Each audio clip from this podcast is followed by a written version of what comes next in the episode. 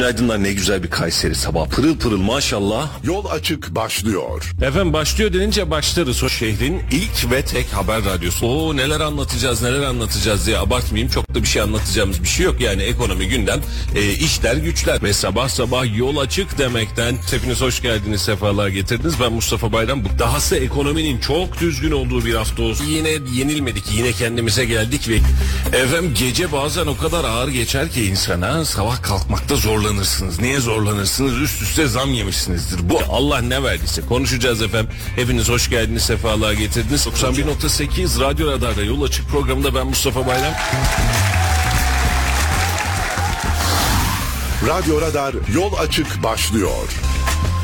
Efendim hayırlı sabahlar, günaydınlar. Yeni bir günde, yeni bir yayında sizlerle birlikteyiz. Hoş geldiniz, sefalar getirdiniz. Haftanın son günü mü? Artık öyle oluyor değil mi Ali'cim? Haftanın son günü. Koca bir haftayı geride bıraktık ve bu haftanın ardından da haftanın son günündeki yayınımızda da sizlerle birlikteyiz. Hoş geldiniz, sefalar getirdiniz. Öncelikli olarak dün gece saatlerinde, gece 3.30-4 civarında İzmir'de gerçekleşen 4.9 büyüklüğündeki deprem ve üzerine devam eden artçı depremler nedeniyle İzmir'e geçmiş olsun dileklerinde bulunuyoruz. İzmir Buca'da gerçekleşmiş deprem. Şu ana kadar görünen iki kişi panik nedeniyle e, bu, yaralanmış ama bunun dışında can ve mal kaybı yok gibi görünüyor şu dakika itibariyle.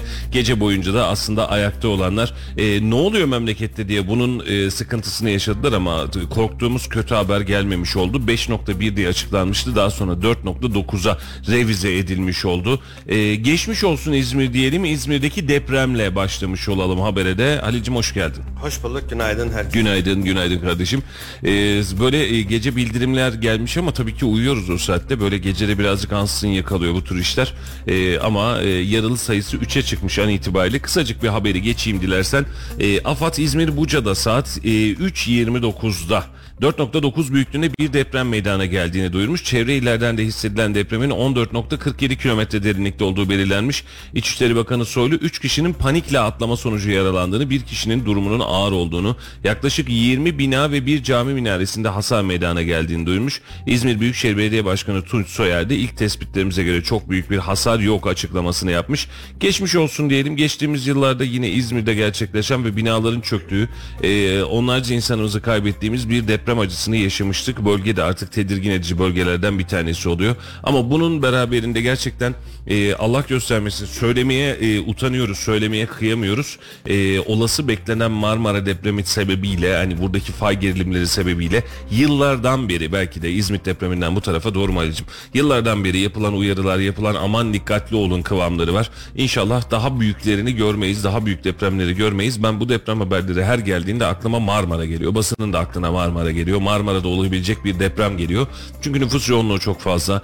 E, ufacık sarsıntılarda dahi yani şu 5.1'i 5.3 olarak 5.5 olarak dahi yaşadığınızda Marmara'da e, çok ciddi e, zayiatlar. Çünkü binalar durduğu yerde bazen çöküyor biliyorsun. Yaşıyoruz İstanbul'da görüyoruz. Koskoca Arel Üniversitesi'nin neydi binası çökmüştü geçtiğimiz günlerde. İstinaf seviyede. Aynen öyle. Şimdi e, bu kadar zaten e, pamuk ipliğine bağlıyken olası Allah göstermesin bir deprem sonucunda neler olur hiç kimse hesap etmek istemiyor. E, inşallah deprem olmadan daha fazla insanımızı kaybetmeden e, bununla alakalı tedbirlerimizi almış oluruz. Geçmiş olsun İzmir, geçmiş olsun Türkiye diyelim ve gündemimize dönelim. Kısacık bir para piyasasıyla başlayacağız. Dün açıklanan enflasyon rakamları var Halil'cim. E, dün de konuşmuştuk zaten açıklanmadan önce. Onları bir miktar konuşacağız.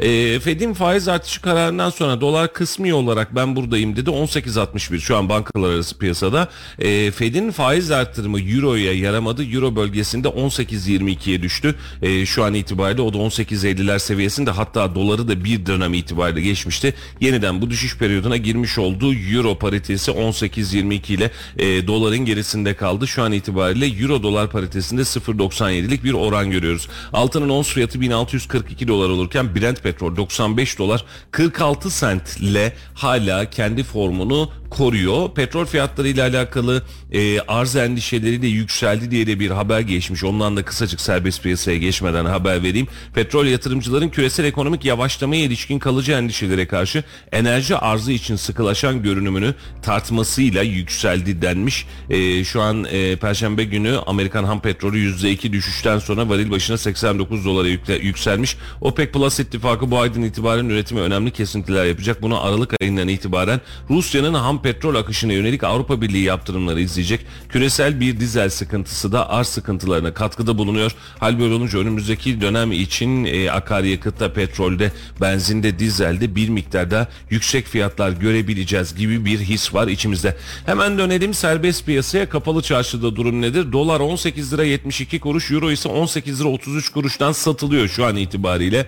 E, altındaki o dengesizlik hala devam ediyor. Dün altının ons fiyatında e, ve hatta gram altında da ciddi düşüşler yaşanmıştı. E, gün başlangıcı itibariyle birazcık kendini toplamış görünüyor. Gram altın şu an itibariyle 1000 liradan işlem yaparken çeyrek altın 1633 liradan işlem yapıyor. Dün gün içinde Halil senle beraber hareket halindeyken hatta 1610 liralara kadar görmüştük e, altının e, küçük altının fiyatını. Burada bir dengesizlik var ama bakalım sonuçları ne olacak.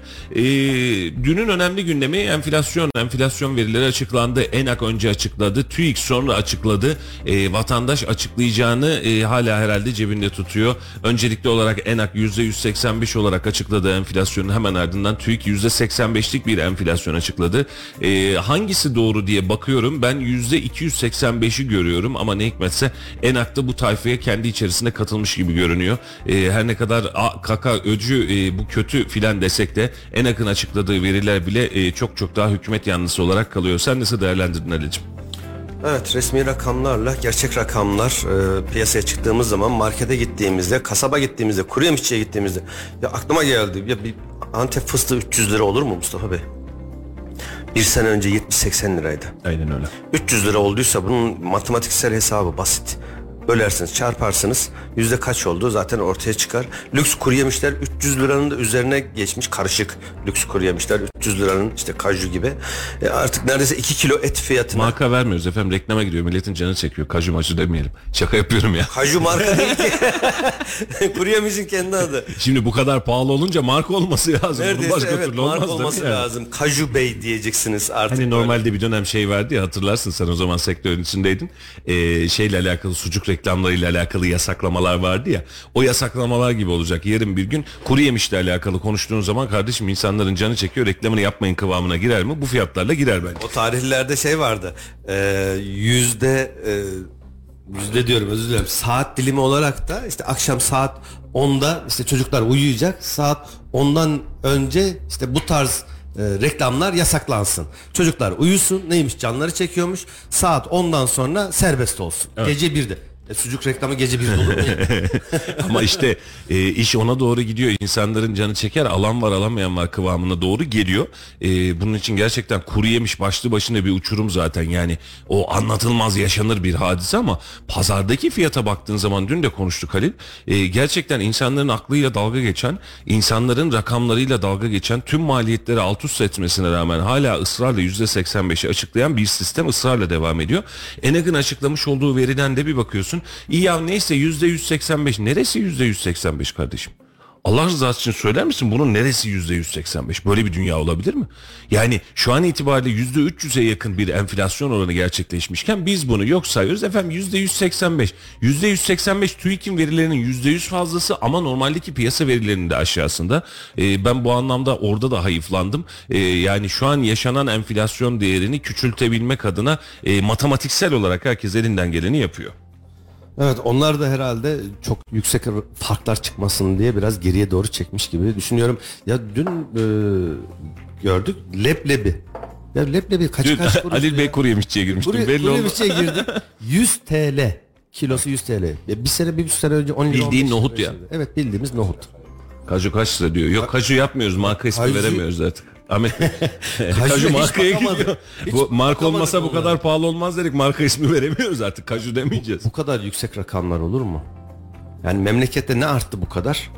Enflasyon diyoruz, öbür diyoruz, belki diyoruz ama bir bakıyoruz sahaya çıktığımız zaman yüzde 300'leri de geçtik. İşte Halicim, %400'ler, yani buradaki- 500'ler birçok kalemde. Buradaki sıkıntı noktamız en büyük sıkıntımız bence şu ölçümlerimizde yanlışlıklar var vatandaşı kandırmaya vatandaşı e, ya idare edin de hele bir bakalım bu, bu bir birazcık daha yani ben en basitinden geçtiğimiz haftaydı geçtiğimiz hafta ya da bir önceki haftaydı Merkez Bankası yıl sonu enflasyon tahminini güncelledi hatırlıyor musun?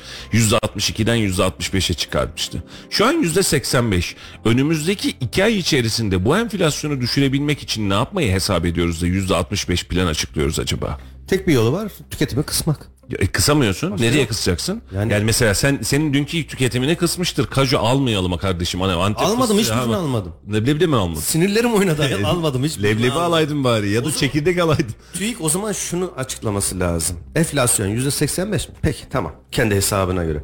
O zaman kendi grupları içerisinde demeli ki gıda enflasyonu şu. Haberleşme enflasyonu bu. Temel tüketim malları enflasyonu bu. Elektronik enflasyonu bu diye o zaman 5-6 kalemde gruplandırarak farklı farklı enflasyonları vermeli. Şimdi birinde dün konuşmuştuk biliyorsun en düşük enflasyon oranı iletişim sektöründe yaşandı. Evet. Elektronik cihazlardan demiyorum. Bu internet ya da cep telefonu faturalarından bahsediyorum. En düşük bu. E şimdi o zaman %85'e gerilettiren en büyük unsurlardan bir tanesi de belki de budur. E o zaman sen ayrı ayrı ver. Şurada %20 de, bunda %50 de ama gıdada baktığın zaman %150'yi söyle. 200 de. 250 Şimdi de. TÜİK'e göre son bir yıldaki artış oranlarından bahsetmiş. Şekerde demiş %153 arttınız demiş. %153 demek ne demek? Yani geçen sene e, işte atıyorum bu bu yıl itibariyle ne kadar Ahmet Bey şu an itibariyle şeker? demek. İki buçuk katı demek. E, ama yüzde yüz elli üç. E, patateste yüzde yüz otuz dokuz, sütte yüzde yüz otuz iki, pirinçte yüzde yüz yirmi dört, makarnada yüzde yüz on sekiz, unda yüzde yüz on sekiz demiş. Geçen yıla göre. Şimdi makarnada yüzde yüz on sekiz diyorsanız ben mesela en basitinden gideyim. Yani şu an makarna fiyatlarını istiyorsan internetten de bir bakalım. E, makarna fiyatları ne olmuş? E, makarna fiyatları diyelim.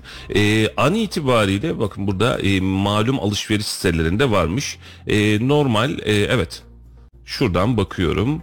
Arpa şehriye, tel şehriye market fiyatı şu an hatta bu da e, bir e, zincir marketin markası hani normal markalar filan da değil.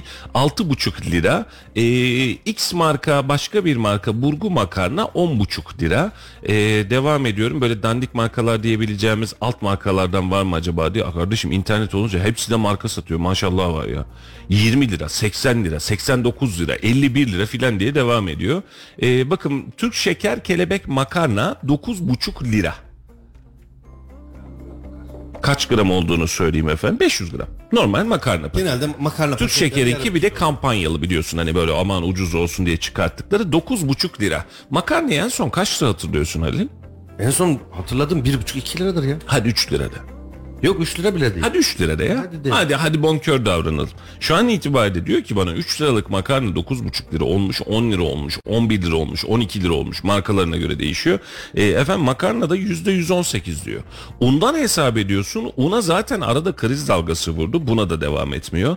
E, yer sen söylemiş arkadaşlar. Yani e, ne kadar anlatırsan. Mesela en basitinden e, un, çay, şeker, kahve vesaire diye gidiyoruz. Çay ve şekerin tüketimi devletin elindeydi ve devlet yıllarca ısrarla zam yapmamak için devam etti. Sen tak ben kısarım onu. Zam yapmamak için devam etti.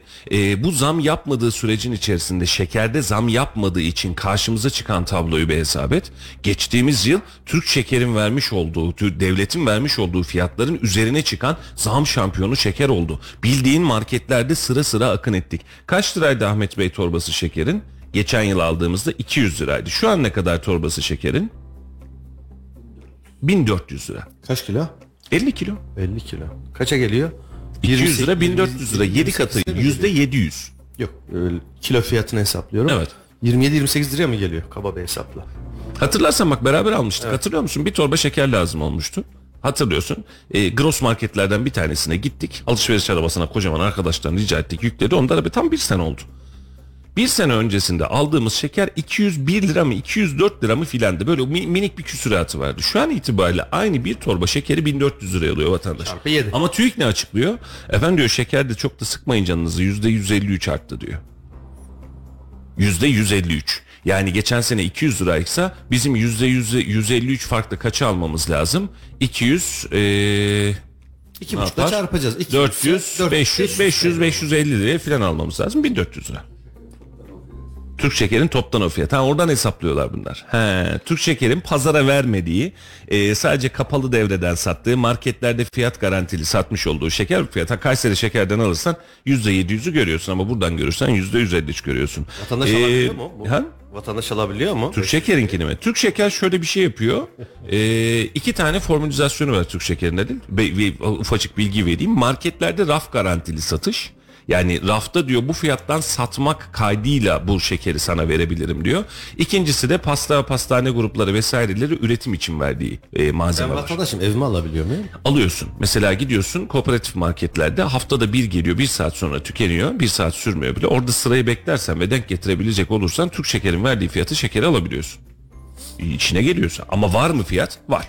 Şimdi kooperatif marketler, Şey, kooperatif bankalar market- kredi veriyor hadi al. Ha, aynen öyle. Hani meşhur kooperatif market hikayemiz var ya kooperatif marketlerde ürünlere indirim yapacağız bak böyle kampanyalar yapacağız diye. Sen fiyat rezervini de tutup kooperatif marketten baz olarak alırsan %180 zamla şekeri görürsün. Enflasyonu da istediğin kıvama getirirsin. Formüllerin diliyle oynuyoruz, matematiğiyle oynuyoruz ve işin açıkçası yazık ediyoruz memlekete. Ee, %83 ile %85 değil efendim mümkün olsa da %3 olsa %5 olsa hatta hiç enflasyonumuz olmasa hiçbirimiz enflasyondan bu anlamda mutlu değiliz. Ama e, yapılan hadise de zannedersem kocaman bir ayıp. ENAK bile veriyi saptırmaya başladıysa şu anki piyasadaki var olan veriyi saptırmaya başladıysa artık denecek çok fazla bir şey kalmıyor. Şu an İstanbul'da, Kayseri'de, Türkiye'de yaşadığımız enflasyon oranı %200'lerin %280'lerin üzerinde bir enflasyon oranımız var. %300'e yakın bir enflasyon oranımız var. Ama ne hikmetse ölçüm şeklimizi bir türlü toparlayamıyoruz. Birazcık da algıyı toparlamak için zannedersem buna ısrar ediyoruz diyelim. Evet dün e, bir görüşmedeydik biliyorsun. Mustafa Bey. Orada yurt dışına İngiltere'yi, Fransa'yı, Almanya'yı oldukça fazla e, yaşamış ve gidip gelen e, bir iş adamı Evet. beyefendi vardı. E, hatta sorduğum soruyu hatırlarsanız bizim konuda buydu yine TÜİK'in açıklamalarıydı. Acaba bizde böyle piyasa yansımasıyla gerçek rakamlar farklı, devletin açıkladığı rakamlar farklı. Acaba İngiltere'de, Almanya'da, Fransa'da benzer şeyler oluyor mu dediğimde söylediği cevap şuydu. Evet, aynısı orada da oluyor. Tabii canım. Reel enflasyon ya da markete gittiğiniz zaman sürekli aldığınız şeyler şu anda da yurt dışında en az yüzde otuz yüzde kırk ama devletin açıkladığı 10-15 yani iki katı üç katı benzer bir şekilde yani tüm hükümetler herhalde benzer, Yiyor bir- bunlar bizi ya vallahi. benzer Tüm- şeyleri yapıyorlar Tüm tüm, tüm tüm tüm dünyaca milleti yiyorlar yani. Yok yok öyle değil. Sen acımaz acımaz. Bak hiç acımadı ki filan diyerek yapıştırıp yapıştırıp geçiyorlar. herkes aynı şeyi yapıyor ama Arkadaş, vatandaş da her şeyin farkında ya nasıl bir pandemiymiş pandemi diye adına koyduk. Ondan sonra savaş dedik, enerji krizi dedik. Neresinden çıkacağını bilmiyoruz. Ya vatandaş her şeyin farkında olsa ne olur? Elimizden bir şey gelmiyor ki. Halil.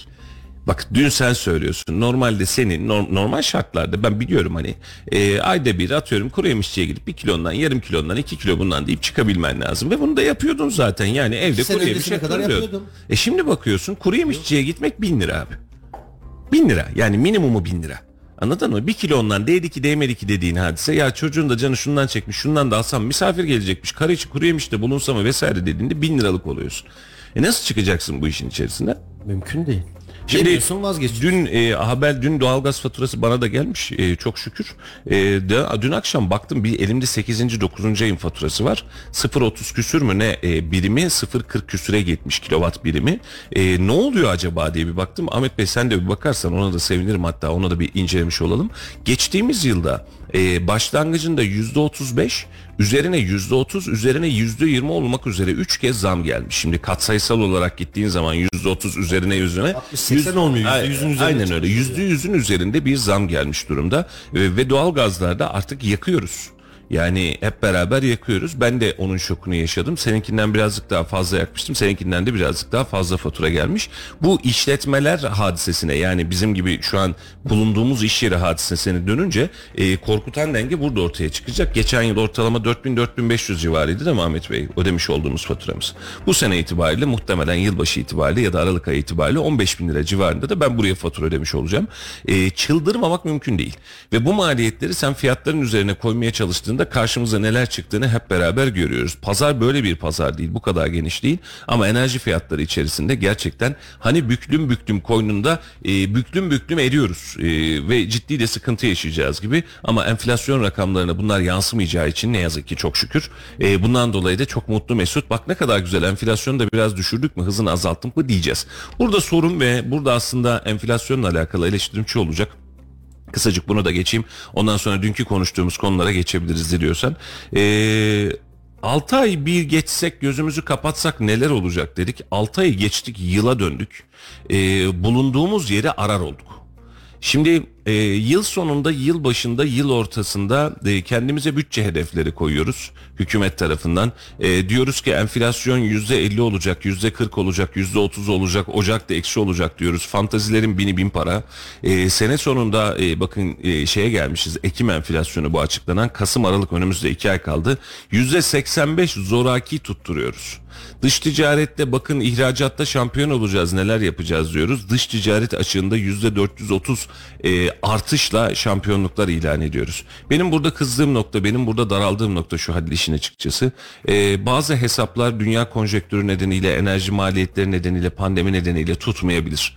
Tutmadığı gibi bazen sizin beklediğinizin tam tersine eksiler e, ya da beklemediğiniz tablolar çıkabilir. Ama ekonomi yönetiminin başındaki insanların bize vermiş olduğu ufku e, her geçen gün tutturamadığını görmek bize nasıl bir ekonomi güveni verebilir? Nasıl bir yönetim mantığıdır? Bunu anlamakta gerçekten zorluk çekiyorum.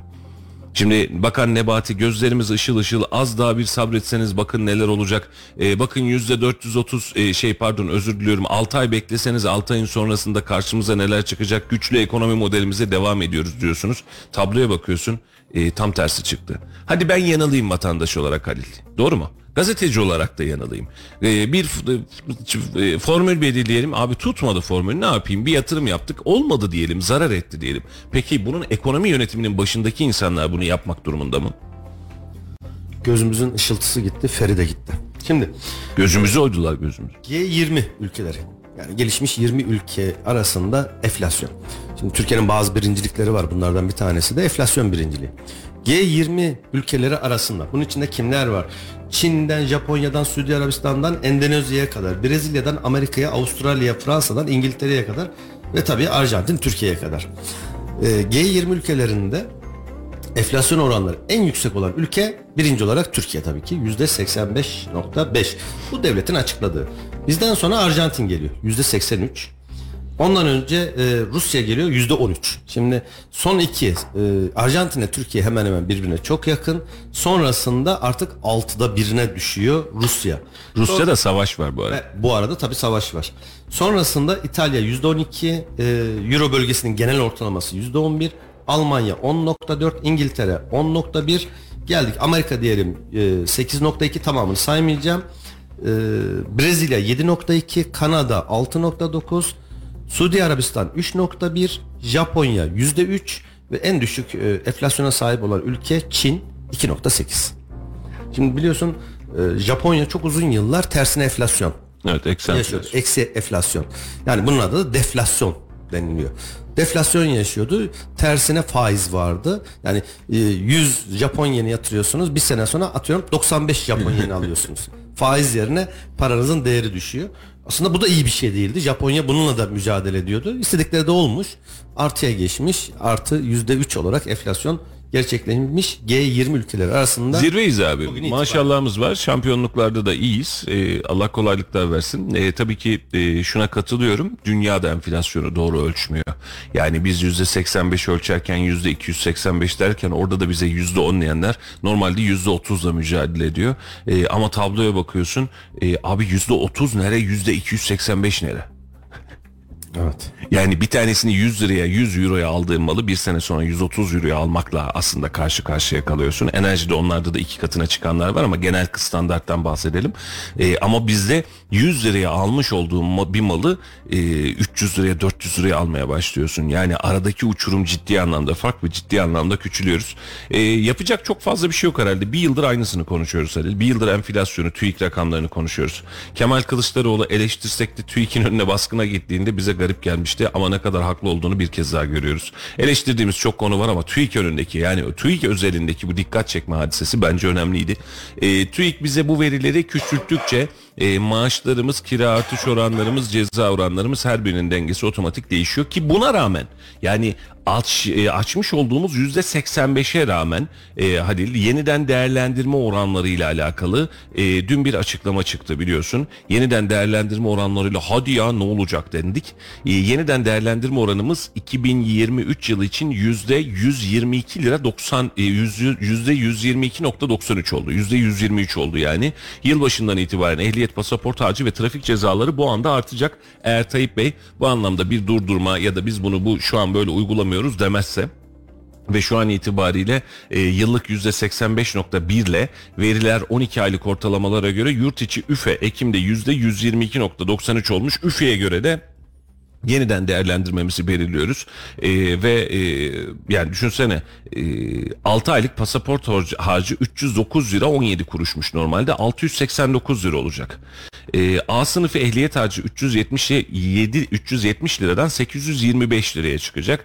B sınıfı ehliyet harcı 116 lira 90 kuruştan 2000 e, 489 lira 77 kuruşa yükselecek. 1116'dan 2489'a yükselecek. Şimdi doğru oldu.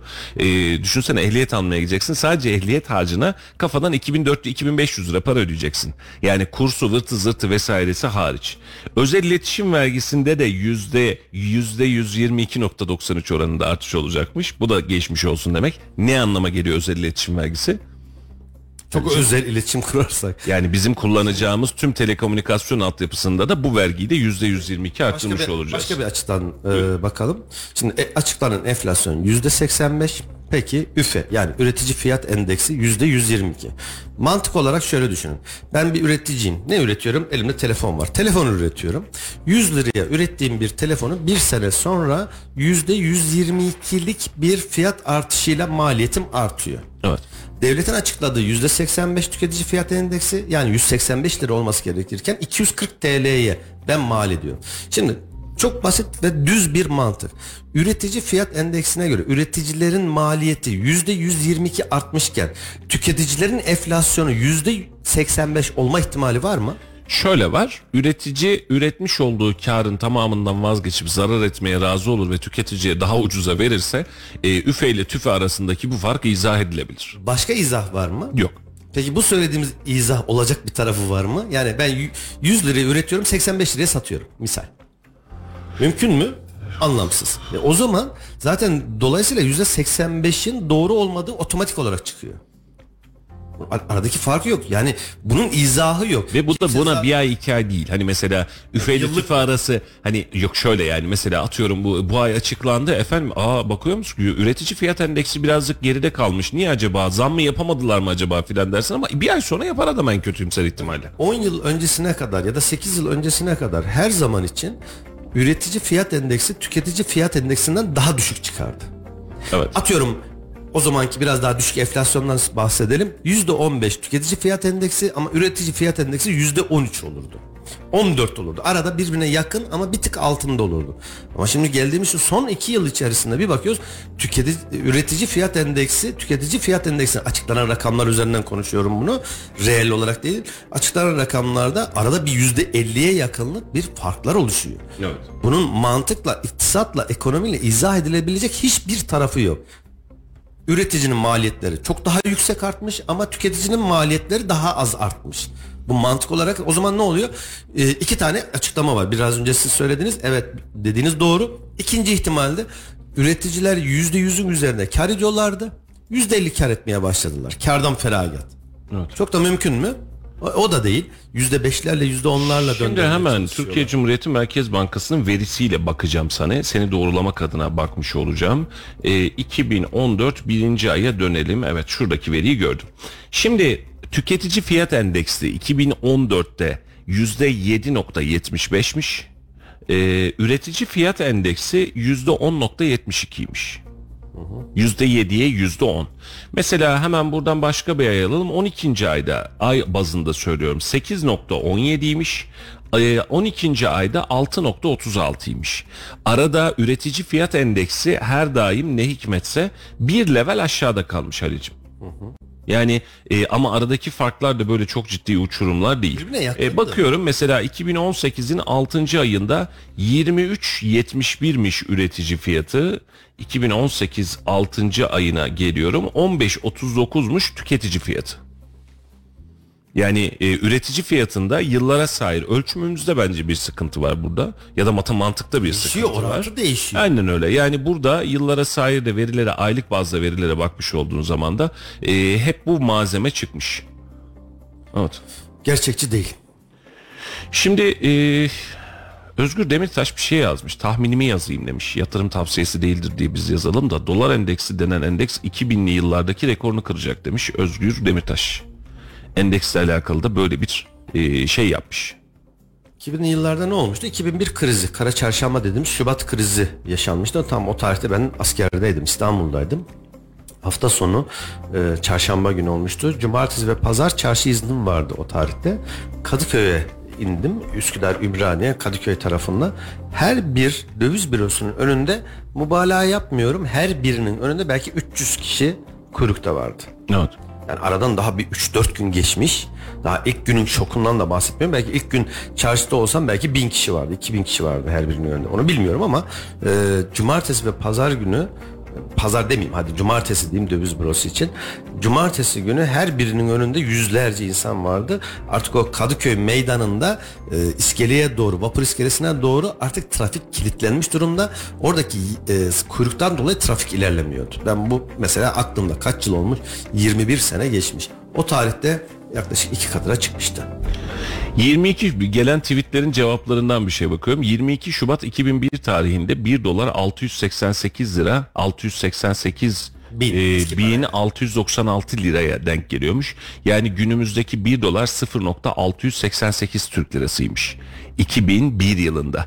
En yüksek parite 11 Ekim 2001 tarihinde gerçekleşmiş. Krizin ortasındaydık tam bu dönem doğru mu? Yani en büyük krizlerimizden 2001. biraz- 2001. 2001 hangi? 11 Ekim 2001. Yani e, Kara Çarşamba'dan 9 ay sonra. Aynen öyle. Bu tarihte 1 dolar 1 milyon 644 bin 826 Türk lirasına denk geliyordu. 6 sıfır atarsak dolar 1.64 Türk lirasıydı demiş. %130, %139 olarak da yazmış. Valla şöyle e, elimize gelen malzemeyi ve malzemenin nasıl biçileceğini e, ve önümüzdeki süreci nasıl göreceğimizi görmekte zorluk çekiyoruz. Umutsuz olmak mı? Hayır tam tersine belki de umuda doğru birazcık daha e, yol almak lazım ama bunun için yapısal reformlara ve yapısal dengelere bence birazcık ihtiyacımız var Halil. Mesela vatandaşı kandırmadığımız paritelere, vatandaşı kandırmadığımız enflasyona, daha gerçekçi reel e, cümlelere ihtiyacımız var. Ben geçen yıl da aynısını söylemiştim. Daha e, faiz sebep enflasyon sonuçturun açıklaması daha gelmemişti geçen yıl bu zaman itibariyle. Devlet önümüze bir perspektif çizmeli. Mesela şunu deme şansınız var. E, kardeşim dolar 50 lira olacak ya da enflasyon 2 yıl boyunca daha böyle devam edecek ama biz bunu yapmak için bundan kalıcı olarak kurtulmak için yapısal düzenlemeler yapıyoruz ve önümüzdeki 3 yıl içerisinde şunlara şunlara şunlara vakıf olacağız diyebilmesi lazım. Dediği kısa ve orta vadeli hedefleri de devletin devlet kanadıyla tutturması lazım. Mesela 6 ay gözümüzü kapatsak aslında her şey çok güzel olacak deyip bir yıl sonrasında gözümüzü açtığımızda pişman olduysak, gözümüzün ışıltısı gittiyse bu bize güven vermeyen bir ekonomi yönetimi anlamına geliyor ne yazık ki. Ama e, devlet şu an bize şunu dese mesela hani şöyle düşün. Enflasyona biz şu an itibariyle zapt edemiyoruz. Şu şu şu formülleri alıyoruz. 2 yıl daha böyle devam edeceğiz. 2 yılın sonrasında şuna şuna şuna şuna ulaşacağız veya şu hale geleceğiz dese. Hepimizin içi ve vicdanı biraz daha rahatlamaz mı? Birazcık daha kendimize gelemez miyiz bu konuda? Dürüstlük her zaman iyidir. Aynen öyle. Şimdi enflasyon dizginlemenin iki tane yolu vardır. Enflasyon neden olur? Mustafa Bey, arz ve talep dengesi arasındaki dengesi arzın arz az olması talebin yüksekliğinden dolayı piyasa içerisinde fiyatlar yukarı doğru çıkar. Evet. Diğer taraftan eğer sizin ham madde fiyatlarında da yükselmeler varsa maliyetiniz artar. Maliyetin üzerinde hayatta kalabilmek için fiyatınızı artırırsınız. Enflasyon da. Peki iki tane yöntem vardır enflasyonla mücadele için. Bir, üretimi artırmak ki doğrusu budur. Arzı artırırsanız talebin üzerine çıkarsa fiyat kendiliğinden aşağı düşer. İkinci yöntem tüketime kısmak. Evet. Arzı artıramıyorsanız o halde talebi kısmanız gerekiyor. Talebi kısmak için ne yapar devletler? Bu Türkiye özelinde değil. Tüm dünyada 50 sene önce de aynı şey geçerliydi. 500 sene önce de aynı şey geçerliydi. Yüksek vergiler. Satın alma davranışının önüne geçmeler. Ne yaparsınız? Kredi oranlarını kısarsınız. Ne yaparsanız çok yüksek vergiler koyarsınız. Herhangi bir emtiaya ulaşmayı zorlaştırırsınız. Talebi kısarsınız. Benim dün kuru yemiş alamamam gibi. ben satın almaktan vazgeçersem o zaman siz vazgeçerseniz Ahmet Bey vazgeçerse talebin azlığıyla beraber bu sefer arz fazlalığı, stok fazlalığı ortaya çıkar. Dolayısıyla satabilmek için çünkü bunların her birinin bir ömrü var. Cep telefonu da alsanız bir sene sonra ömrü var. Makine ömründen bahsetmiyorum. Onun da moda ömrü var. Yani her şey durduğu yere gıda gibi bozulması şart değil. Şimdi bakın hatırlayın pandemi dönemi içerisinde işte bildiğimiz tüm dünyada bildiğimiz ta 60'lı yıllardan beri oynayan 007 James Bond serisi vardı. Film çekildi. Mustafa Bey. Evet. Sponsor olan bir cep telefonu firması var. Ama pandemi nedeniyle tüm dünyada sinema salonları kapalı olduğu için vizyona sokmadılar. Bir yıl sonra vizyona sokmaya karar verdiklerinde filmi cep telefonu olan sahneleri yeniden çektiler. Çünkü arada Model bir güncelleme. yıl geçti ve yeni bir modeli çıktı o telefonun. Ne oldu? Filmi yeniden çektiler. E, ürünün ömrü bitti işte. İlla makine bozuldu mu? Yok. Ürünün ömrü bitti. O zaman siz e, talebi kısarsanız fiyatlar da aşağı çekilir. Diğer yöntem olması gereken üretimi arttırmak. Artırırsınız, üretimi artırırsınız, teşvikler verirsiniz, bir takım destekler verirsiniz. Üretim artarsa hem yurt içinde hem yurt dışında satarsınız, para kazanırsınız, arzı artırırsınız, enflasyonu düşürürsünüz. Başka yolu yok. Yani dış ticaret açığınızın olmaması lazım bunun için. E, tabii ki. Kısa, kısa haliyle bu. Ee, Valla e, yöntemleri e, kamunun, devletin belirlemesi gereken, devletin izlediği politikayı da vatandaşın uyumluluğu hale getirilmesi gereken bir sürece girmiş olmamız lazımdı ama biz son bir yıldır giremedik. E, şimdi birazdan açıklayacağım, e, söyleyeceğim. Torba e, kanun teklifi Türkiye Büyük Millet Meclisi'nde kabul edilmiş. Biz hala vatandaşın gönlüne su serpebilecek. Anlıkta Halil'in, anlıkta Mustafa'nın, anlıkta Ahmet'in. Acaba bugünü de atlattık mı? Ya bak EYT'de geliyor mu? Bak bunun borcu da iptal edilmiş denilebilen anlık makyajlarla işi ve gündemi kurtarmaya çalışıyoruz. Ee, devleti bir taraftan hükümeti, devleti bir taraftan toparlamaya, ekonomik verilerimizi bir taraftan toparlamaya çalışırken mali açığımızı her geçen gün dış ticaret açığıyla ve diğer açıklarla her geçen gün yoruyoruz. Bak şimdi e, milyonlarca kişiyi yakından ilgilendiren torba yasa teklifi Meclis Genel Kurulu'nda kabul edilmiş. E, şimdi başlık önemli. Niye? Milyonlarca kişiyi ilgilendiriyor. Milyonlarca kişiye zam mı yapıyor? Yok. Tam tersine. Milyonlarca kişiye jest yapıyor. E, seçim ekonomisi deyince kızıyorsun ama bunun tablosu da bu. Bakalım ne var? Kabul edilen yasaya göre öğrenim kredisi borçlarının faizleri silinecek KYK borçları, çalışanlara günlük 51 liraya kadar ödenen nakit yemek ücretleri vergi istisnası kapsamına alınacak.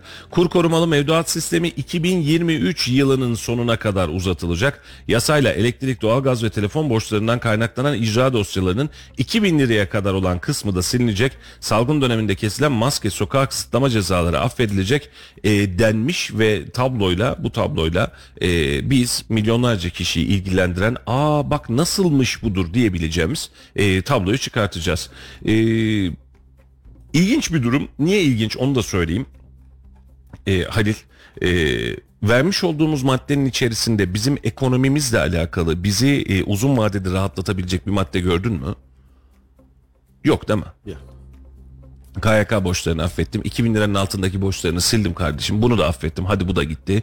E, maske ya da sokakta e, kısıtlama cezası ki yemiştin ya. Sen ödedin maaşıma haciz uygulayacaklar diye ama ödemeyen aylak aylak gezen arkadaş var diye onunkini de affettim. O da gitti. E, ne anladım ben bu işten? Hatırlıyorum Sakarya'da galiba sokağa çıkma yasaklarının olduğu dönemde e, gece vardiyasında çalışanlar istisna Evet. kapsamındaydı. E, hatta televizyonlarda çekmişti o zaman yerel bir televizyon. Ulusallarda da basına yansıdı. E, işçi ya gecenin 11'inde sokakta bir otobüs durağının yanında servis bekliyor. İşe gidecek servis bekliyor. Vardiyasına gidecek. Tek başına ve sigara yakıyor. Evet. Polisler de anında bunu tespit ediyorlar ve maskeyi indirmek ve sigara içmekten dolayı ceza. İşlem yapıyorlar. Yanlış hatırlamıyorsam 900 TL gibi bir rakamdı. Adam diyor ki ya diyor yalnızım. Gece 11 durakta bekleyen kimse yok. Yanımda bekleyen kimse yok. Ben tek başımayım. Maske taksam ne olur takmasam ne olur?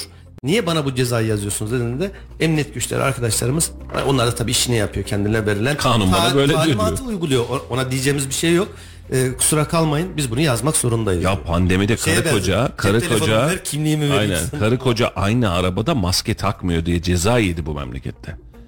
Karı koca aynı arabada arabanın içerisinde maske takmıyorsun diye ceza yedi. Ce- e, cevabı vardı adamın da şimdi yayında söylemeyelim. Yo söyle canım akşam ya aynı yatakta yatıyoruz kardeşim biz dedi yani sen neyin cezasından bahsediyorsun ben hastaysam o da hasta zaten aynı içi evin içinde yaşıyoruz. Şimdi komedilerle geçti o pandemi dönemi de kanuni hıfzı saha kurulu kararlarıyla kanuni altyapısı da yoktu. O zaman söylediğimiz zaman millete garip geliyordu ama bir taraftan da toplum huzurunu toplum yararını bozmamak adına geri çekmeye çalıştık işi yani aman tamam hani uzak durun aman maskeyi takın diye. E, ucube ucube kararlarla ucube ucube yaptığı yaptırımlarla biz pandemi dönemini geçirdik. Şimdi de cezalarını affediyoruz. Bak cezalarını affetmek güzel. Tamam biz yanlış yaptık. Bu cezaları geri aldık. Bu kısım güzel. Peki ödeyenlerin kabahati neydi? Bu memlekette iade hep böyle olmadı mı? Yani sen vergini günü gününde ödersin, cezanı günü gününde ödersin. Sen ödediğin için suçlusun ama bunu iki yıl boyunca ödemeyen adam affettik gitti bu suçsuz. O kazançlı ben kaybedenim. Yani böyle yapıyorsan da bu adama de ki mesela parasını yeni öden ödeme ama bir sonraki ödeyeceğim vergi matrahından ben bunu düşüyorum sana de. En azından bunu Düş da- yani. Hak ve hakkaniyet bunu Ya be- kesmişsin sen pandemi döneminde bu adama cayır cayır. E sen Ee, nereye doğru gidiyoruz biliyor musun Mustafa Bey? Enteresan bir tespitte bulunayım. Şimdi sosyal devlet, sosyal devlet diyoruz. Devlet işte şuna yardım etmeli, şuna bakmalı, şunu yapmalı, bunu yap. Tamam yapsın. Eyvallah. Komünizme doğru gidiyoruz. Komünizmde vatandaşın hiçbir şey yoktur. Her şeyin devleti vardır. Sen çalışırsın, devlete verirsin ve devlet e, bunu alır, satar, işler, yapar, satar, sana tekrar verir. Orada atıyorum ısınma parası vermesin, eğitim parası vermesin, şu parası vermesin, bu ama parası vermesin kendine ait de bir şeyin yok. kendine ait de hiçbir şeyin yok. İki tane ineğin varsa hani bir meşhur hikaye var ya demokrasi olursa iki ineğin işte birini onu alır onu vergilendirir. Şu olursa bu olursa böyle olur. Komünizm olursa iki ineğin vardır sağar devlet alır bunu işler sana da bir bardak süt verir. Buna doğru gidiyoruz. Komünizm uygulamasına doğru ya da komünizm ekonomisine doğru gidiyoruz. Devlet her şeyi yapmamalı. Buna karşıyım. Şimdi bir taraftan şuna da karşıyım. İşte bazı yerler diyorlar işte bazı ideolojidekiler devlet her şeyi sattı. Ya satsın. Devletin malı olmamalı. Tam tersi komünizmin tersinde. Bakın e, 1989 yılında Doğu Almanya ile Batı Almanya birleşti biliyorsun. Berlin duvarı yıkıldı. Evet. Doğu Almanya, Doğu bloku yani Rusya gibi komünizmle yönetiliyordu. Orada da ağır sanayi vardı, fabrikalar vardı, bilmem ne bir şey vardı. Özelleştirme kapsamı altında o zaman euro da yok, mark var. Yıl 1989-90 yılından bahsediyorum. Bir fabrika kaç liraya özelleştiriliyordu biliyor musunuz? Bir mark. Sadece bir mark. Şaka gibi bir mark. Ya da bir TL. Yeter ki özel sektör hareketine devam etsin. Tabii tutup da bunu yoldan geçen Mustafa'ya Ahmet'e hadi gel sana bir marka e, bir TL'ye fabrika verdim demiyorlardı. Bu işi yapan zaten işleten Batı Almanya'da Federal Almanya diye geçerdi o zaman. İşleten firmalar dediler ki bu fabrika senin işte burada 100 kişi çalışıyor örnek veriyorum. Sen bir kişi bile işten çıkarmayacaksın. işine devam edeceksin. Bu fabrikayı sana hibe ettim. Tabiri caizse. Bizde ne oldu? Bizde Bizdeki bak değerinin mesela altından satıldı ama şimdi yok değerinin altında sat. Rakam konuşmayacağım. Ra- Rakam konuşmayacağım. Peki. Ee, devlet yönetim yapar, organizasyon yapar, kanunları koyar, denetimini yapar. Ama işletme veya da üretim anlamında özel sektör olmalı. Yani Amerika'nın savunma sanayinin yüzde doksanından fazlası özel sektör üretiyor. Hani ya bu Baykar. dünyanın dünyanın mesela İngiltere özelinde baktığımız zaman İngiltere dünyayı fethetmeye dünyanın her yerinde Hindistan'da Amerika'da vesaire keşifler yapmaya çalışırken bunlar da özel sektör marifetiyle yapıyordu. Yani şimdi bu anlamda sermaye düşmanı değil sermayenin destekçisi olmak lazım ama bizdeki problem şu Halil e, yeri gelmişken söyleyeyim içimde hala yaradır. E, birileri internete açsın baksınlar Türk Telekom'un özelleştirmesinde nasıl bir garabet yaşamışız diye mesela. Yani e, bir rakama satıyoruz sattığımız rakamı fonlamak için kendi devletimizin kendi bankasından bu şirkete krediler veriyoruz. Sen bunu geri ödeyeceksin diye bak kredisini de kendi bankamızdan veriyoruz. Sonra bu şirket ödemiyor kaçıyor.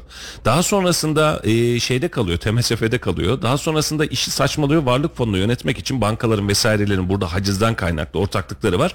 Kendi sattığımız malı kendi bankamızdan finanse ederek sattığımız ve çarpıldığımız milyar dolarlık 6 milyar dolar filan herhalde e, o civarda 6 milyar dolar civarında kendimizin finanse ederek sattığımız malı yeniden kendimiz bankalara para ödeyerek alıyoruz. Şimdi özelleştirme yapılsın mı sonuna kadar seninle hemfikirim kardeşim. Yani özel sektör bu anlamda işini iştirakini yapmalı, vergisini ödemeli, istihdamını sağlamalı. Mesela şeker fabrikalarının özelleşmesiyle alakalı insanlar bas bas bağırdı. Yo ben öyle düşünmüyorum. Şeker fabrikaları özelleştirmeli ama Şimdi Kırşehir'deki şeker fabrikasını Binali, Binali Yıldırım'a eğer siz hediye ediyorsanız anladın mı? Ee, ve bu anlamda da buyurun Binali Bey siz buradan devam edin diyorsunuz. O şeker fabrikasını bu almayacak diyorsunuz. Bunu buradan bu yapacak diyorsanız istihdamı ve üretimi geliştirmiyorsanız o zaman da size ne yapıyorsunuz derim.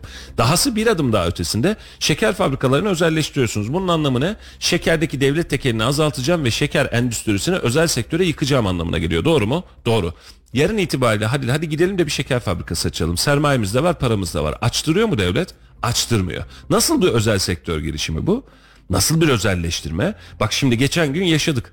Ee, Doğan grubundan, Doğan Holding'den alınan, e, tabiri caizse zorlamayla alınan anladın mı? Yani böyle köşeye sıkıştırılarak alınan ve Demirören Medya Grubu diye isimlendirilen Demirören'e e, geçirilen bir sistem var. Gazeteler, dergiler, internet siteleri, holding binaları, vırtlar, zırtlar vesaireler. E, yaşadık bunu. Sedat Peker de yazdı. Bunun haricinde kamuoyunda da zaten daha önce bilgiler vardı. Kim finanse etti efendim bunu? Ziraat Bankası. Ziraat Bankası'na Demirören grubu ödeme yaptı mı? Hayır. Nasıl özelleştirme bu? Sen bana diyorsun ki ben sana bu malı veriyorum. Tamam bu malı alman için sana borç da veriyorum. Bak hem malı veriyorum sana. Malı alman için borç veriyorum. Borcu ödemediği için malın üzerine çökmeye çalışıyorum yeniden. Ya şu binayı bari alayım şunu da alayım diyorum. Ben malın emanetçisiyim ben burada değnekçisiyim. Ben kimi kandırıyorum kime bunu peşkeş çekiyorum. Şimdi özelleştirme yapalım mı? Vallahi sonuna kadar yapalım. Benim hiçbir itirazım yok. Ama kamunun elini çektiğin yerden yani kamu buradan çıksın dediğin yerde bunun realde hem işletilebilir olması hem kar edilebilir olması hem de birilerini zengin etmek için değil ekonomiye katkı vermek için yapılması lazım. Ve bizim yapmış olduğumuz yani son 15 yılda 20 yılda başarılı ve başarısız özelleştirme örneklerine bakacak olursan ne kadar hezeyan içerisinde olduğumuzu belki de bu anlamda daha rahat görürsün. Ve ba- ba- en basitinden Kayseri özeline gelelim. Elimizde TMSF tarafından el konulan Doğru mu? Tasarruf, tasarruf mevduatı sigorta fonu tarafından el konulan bir Anadolu Holding var. Eski adıyla Boydek Holding var. Boydek Holding Kayseri'nin en önemli dinamolarından bir tanesi miydi Halicim? Evet. Çok önemli bir dinamosuydu. Peki ne yaptık bugüne kadar? Sattık satacağız, sattık satacağız. Şirketleri ayırıyoruz. Burada bütünlükler yapıyoruz. En son basın toplantısında size açıkladım. Dolar üzerinden bakmış olduğun zaman şirket artıya gitmemiş. Şirketin yiyici tayfası artmış. Şirket bir şekilde işte kamu menfaati diyor, dernek diyor, vakıf diyor, şu kanal diyor, bu kanal diyor. Şimdi CEO çok rahatlıkla şunu söyleyebiliyor çıkıp da efendim diyor ben o kanallara reklam vermem diyor. Hangi kanallara reklam vermem? Fox'a vermem. Verme. Problem değil. Ama bunu sadece Turkuaz grubuna verirsen sen ne yapıyorsun derim. Sen ne yapıyorsun kardeşim derim. Şimdi e, açık söyleyeyim geçtiğimiz günlerde e, ortaya çıkacaktır bunlar da. Şimdi rutin Kayseri'den yapılabilecek malzemeler var, yapılar var. Şu bardak ne kadar Halecim? 100 lira örnek olarak veriyorum. Bunu sen gidip de 1000 liraya alırsan ben sana demez miyim ne yapıyorsun kardeşim bunu diye. Ama İstanbul'dan alıyorum ama hizmet ama böyle. Ve bu şirketin içi farkındayız ya da değiliz yavaş yavaş yavaş yavaş parçalara ayrılarak bölünmeye çalışıyor ve bölünmeyi yaparken de siyaset bunun üzerindeki istediği baskıyı vakıflar dernekler istediği baskıyı kuruyor. E peki yarın bir gün özelleştireceksin. Özelleştirdiğinde kime gideceğini ben de bilmiyorum. Mahkeme sonuçlarını ben de bilmiyorum ama Kayseri'yi dediğinden etkileyecek mi bu iş? Ağzımıza tükürecek. Kesinlikle. Şimdi şöyle düşün Arap sermayesine sattık Birleşik Arap Emirlikleri'ne sattık misal olarak veriyorum. Holding'in iki şirketini, üç şirketine ya da beş şirketine. E, bir sene iki sene burada işletti ondan sonra dedi ki ben taşıyorum ya bunu dedi. Ben götürüyorum bunu koca eline götürüyorum dedi. Ne yapacaksın o zaman? Hiçbir şey. Hiçbir şey yapamam. Sen sağ ben selamet. Geçtiğimiz yıllarda yine Kayseri üzerinde çinkur fabrikamız vardı hatırlıyorsun. Evet. Türkiye'nin en büyük çinko işletim e, maden fabrikalarından biriydi. Şu an ne durumda? Fena değil işliyor.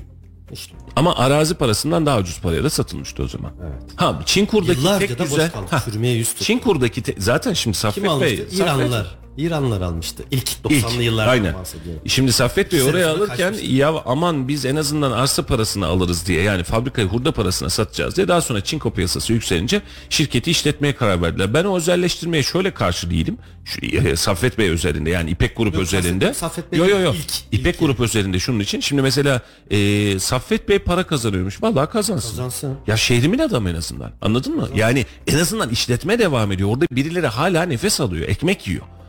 Ama sen bu özelleştirmeyi yaparken, bu dengeyi yaparken şimdi meşhur malum sözler var. Kamu ihalelerinden hangi şirketlerin ne kadar pay aldığı. Hani meşhur şu beşli şirketimiz filan var ya. ee, birileri beşli çete diyor, birileri başka bir şey diyor. Şimdi Feridun abi atmış demiş ki dünya şey Türkiye beşten büyüktür beşli şirketi kastederek dünya beşten büyüktür gibi. Peki biz bu insanları niye sürekli ihya ediyoruz? Niye niye? Ha şimdi bunların sonuçlarını oturup bakmış olduğun zaman da o gün seninle konuştuğumuz hadise Halil. Ben gerçekten bu anlamda çok gergin ve çok doluyum. Ne olur kusuruma bakma. Ee, memleketin malını, e, tüy bitmemiş yetimin hakkını, memleketin parasını birilerinin üzerine yükleyerek devam eden sistemin ben karşısında olmamız gerektiğini düşünüyorum. Bu, bu hükümete özel bir hadise değil. Yarın bir gün X hükümet geldiğinde o da kendisine, kendi beşlisini, kendi onlusunu kurmaya çalıştığında da ya kardeşim sen ne yapıyorsun diyebilecek güçte dirayetli olmamız lazım. Bizim vatandaş olarak hangi partiden olursa olalım bunu sorgulayabilmemiz lazım. Bu kısımlarda biz kendi kendimizi parçalıyoruz gibi geliyor. Çok sağlıklı gitmiyoruz işin açıkçası. %100 katılıyorum. Efendim dün konuşalım dediğimiz konular vardı. Yerel gündeme gelmeden istersen bir onlardan da bahsedelim. Senin meşhur motokurye hadisen var. Evet. Değil mi? Yani şunu bir artık at içinden de bir kurtul şu motokuryelerden, motosikletli. Motokurye bir de gençlerle alakalı bir konuşalım Evet. dediğimiz konu var. Bugün bir Evet, motokuryelerle bir başlayalım dilersen. olduğu sürece. Daha dün akşam yine yaşadım. Ee, evim Talas Bahçeli evlerde çocuğumu ana yurt tarafına doğru bir özel ders için bir yere bıraktım. Saat 9.30 gibi aldım. Ee, tekrar işte bu Timuçin petrolünün o tarafa doğru gelirken bir aradan ışıkta bekliyoruz. Tam kalkacağım vız diye önümden bir tane böyle bir e, motosikletli kurye geçti. Evet. Yani saniyelik anlık ayağımı gazdan çekip frene basmasam belki çarpacağım. Yatay geçiyor çünkü. Şimdi bu sadece tek örnek değil. O kadar fazla var ki Mustafa Bey. Özellikle kurye e, taşımacılığı yapan motosikletli arkadaşlarımız ne kanun dinliyorlar, ne trafik dinliyorlar, ne ışık dinliyorlar, ne bilmem ne dinliyorlar. Yaya kaldırımdan da gidiyor. Geçilmeyecek ara yerlerden de geçiyor. Vızır vızır aralı, araçların arasından da geçiyor çok fazla bir şekilde trafiği tehlikeye atıyor. Evet. Kayseri Radar'da da zaman zaman kazalarla alakalı bununla ilgili kazalar da paylaşıyoruz. Ya da Türkiye gündeminde de farklı illerde e, motosikletlilerin yaşadığı kazalardan bahsediyoruz. Şimdi motosikletli kullan özellikle bunu hobi olarak motosiklet kullananlara çok konu da biraz dışında ama özellikle kurye. Şimdi bunlar da kendilerince bahanesi şu. Benim belli bir dakikada işte bir x bir gıdayı, dürümü, pizzayı her neyse e, birkaç dakika içerisinde ben bunu adresine ulaştırmam lazım. Yoksa işte şirketim zarar diyor. Ben fırça yiyorum. Şu oluyor bu oluyor. Yahu hiçbiri sizin hayatınızdan önemli değil. Bakın motosikletlerdeki her zaman söylenen klişe laf. Sizin kabortanız bedeniniz. Evet. Otomobildeki şehir içindeki biri en fazla tamponu kırılır, farı kırılır ya da arka farı kırılır. Ama siz kaza yaptığınız zaman Allah esirgesin canınızla ödersiniz bunu. O kadar fazla var ki yani artık bu e, motokurye terörü diyorum ben buna artık trafik terörü diyorum. Buna bu şey, bir şekilde emniyetin önlem alması, buradaki arkadaşların bir şekilde eğitimden geçirilmesi gerekiyor. Bakın olayın bir iki tane daha farklı versiyonları da var. Nedir? E, motokuryeler bundan birkaç yıl öncesine kadar her biri çalıştığı işletmenin, her biri çalıştığı firmanın personeliydi. Motosikletler şirketin e, geliyor işte atıyorum asgari ücretle çalışıyor. Şimdi artık firmalar da bu maliyetlerden kurtulmak adına sanki bir araç kiralıyormuş gibi e, motokuryeyi de kiralama yöntemlerine gittiler Evet. Motosikletli orada e, sahibi motosiklet kendinin sigortasını kaskosunu her neyse kendi karşılıyor götürdüğü paket başına belli bir prim alıyor. Şimdi bu arkadaşlar da tabii daha fazla kazanabilmek adına daha fazla paket taşıması gerekiyor. Daha fazla paket taşıyabilmesi için de daha hızlı hareket etmesi gerekiyor. E, hızlı hareket etmesi için de işte bu noktada sorun başlıyor. Kanunları, trafik kanunlarını hiçe saymaya başlıyorlar. Şimdi işletmeci tarafından rahat. Niye? Şimdi bir şirket arabası olsa otomobil de olsa, motosiklet de olsa Allah korusun bir kaza ol- olduğu zaman şirketin patronu o araçtan dolayı sorumlu. Niye? Araç onun üzerine, ruhsat onun üzerine. Bu tıpkı bireyselde de benim aracım var. Bir arkadaşım benden emanet istedi. Verdim arabayı. Gitti kaza yaptı. Ben kurtulamıyorum. Arabayı o kullanıyor diyemiyorsun. Çünkü ruhsat sahibi sensin. Şimdi şirketlerde de benzer bir şeyler varken bu sisteme dönünce artık şirketler daha rahat hareket ediyor. Niye sorumluluk yok? O personel kendi personeli Mali ve hukuki sorumluluğunu kuryenin kendisine atmış kuryenin oldu. tamamıyla kurye veriyor. Şimdi da burada e, senle şu anlamda hemfikirim e, Halil. E, kurye ve motosikletli teröründen ben de muzdaribim. Şimdi araçsam yolun ortasından bu şerit benim diyerek gidiyorsan sana saygı duyarım sen bir taşıtsın. Ama e, normal trafikte akmamız gerekirken kaldırımın bulduğun uç noktasından yaya geçidinden dönüyorsan sen artık bence araç değilsin. Şimdi araçsan senin araç gibi davranman lazım doğru mu? Yolda gidiyorsak sen de benimle yolda git. Sinyalini ver sağa dön sola dön ben senin arkandan yürürüm problem değil. Şimdi hem araç gibi davranacaksın ama trafik ışığına gelince aralardan vızıt vızıt ara e, noktalardan geçeceksin. Yetmeyecek kaldırımdan geçeceksin. Yetmeyecek aynama çarpacaksın. Sağına soluna bakmayacaksın ve vızır vızır her yerden uçacaksın. Ve bakın e, daha geçtiğimiz yıl herhalde bir istatistiğini çıkartsak en fazla veriyi de bu anlamda biz vermişizdir. E, yara- e, maddi hasarlı motosiklet kazası diye bir şey yok. Mutlaka yaralanmalıdır. Yani o motosikletli bir yere çarptıysa düşmüştür, bir yerini incitmiştir ve ölenler vardı. Kuryelerimizden ölenler verenler vardı. Şimdi şu anlamda şuna katılıyorum. E, efendim e, bu daha ekonomik bir sistem ve bu nedenle de kuryeler daha vızır vızır ve hızlı çalışmak zorunda. Tamam biz de evimizde vesairemize yemek söylediğimiz zaman kurye gelsin diye bekliyoruz. Ama bu kuryenin ölüm yarışı ya da ölüm sürüşü yapması anlamına gelmiyor. E mahvediyorsunuz her defasında. Sağımdan çıkıyorsun, solumdan çıkıyorsun. Ben seni görmüyorum, göremiyorum ki kardeşim. Doğru düzgün motosikletinde doğru düzgün tertibat bile yok. Nasıl sürdüğünü sen dahi bilmiyorsun. Yoldan gidiyorum, kaldırımdan yaya gelir en fazla. Bir bakıyorsun motosiklet çıkıyor önüne. Tak diye önüne atlıyor. Normal yoldan gidiyorsun senin yolunu kesiyor bir bakıyorsun yaya geçidinden tramvayın hattının üstünden öbür tarafa geçiyor. Şimdi karar ver yaya mısın trafikte bisiklet misin motosiklet misin benim gibi taşıt mısın?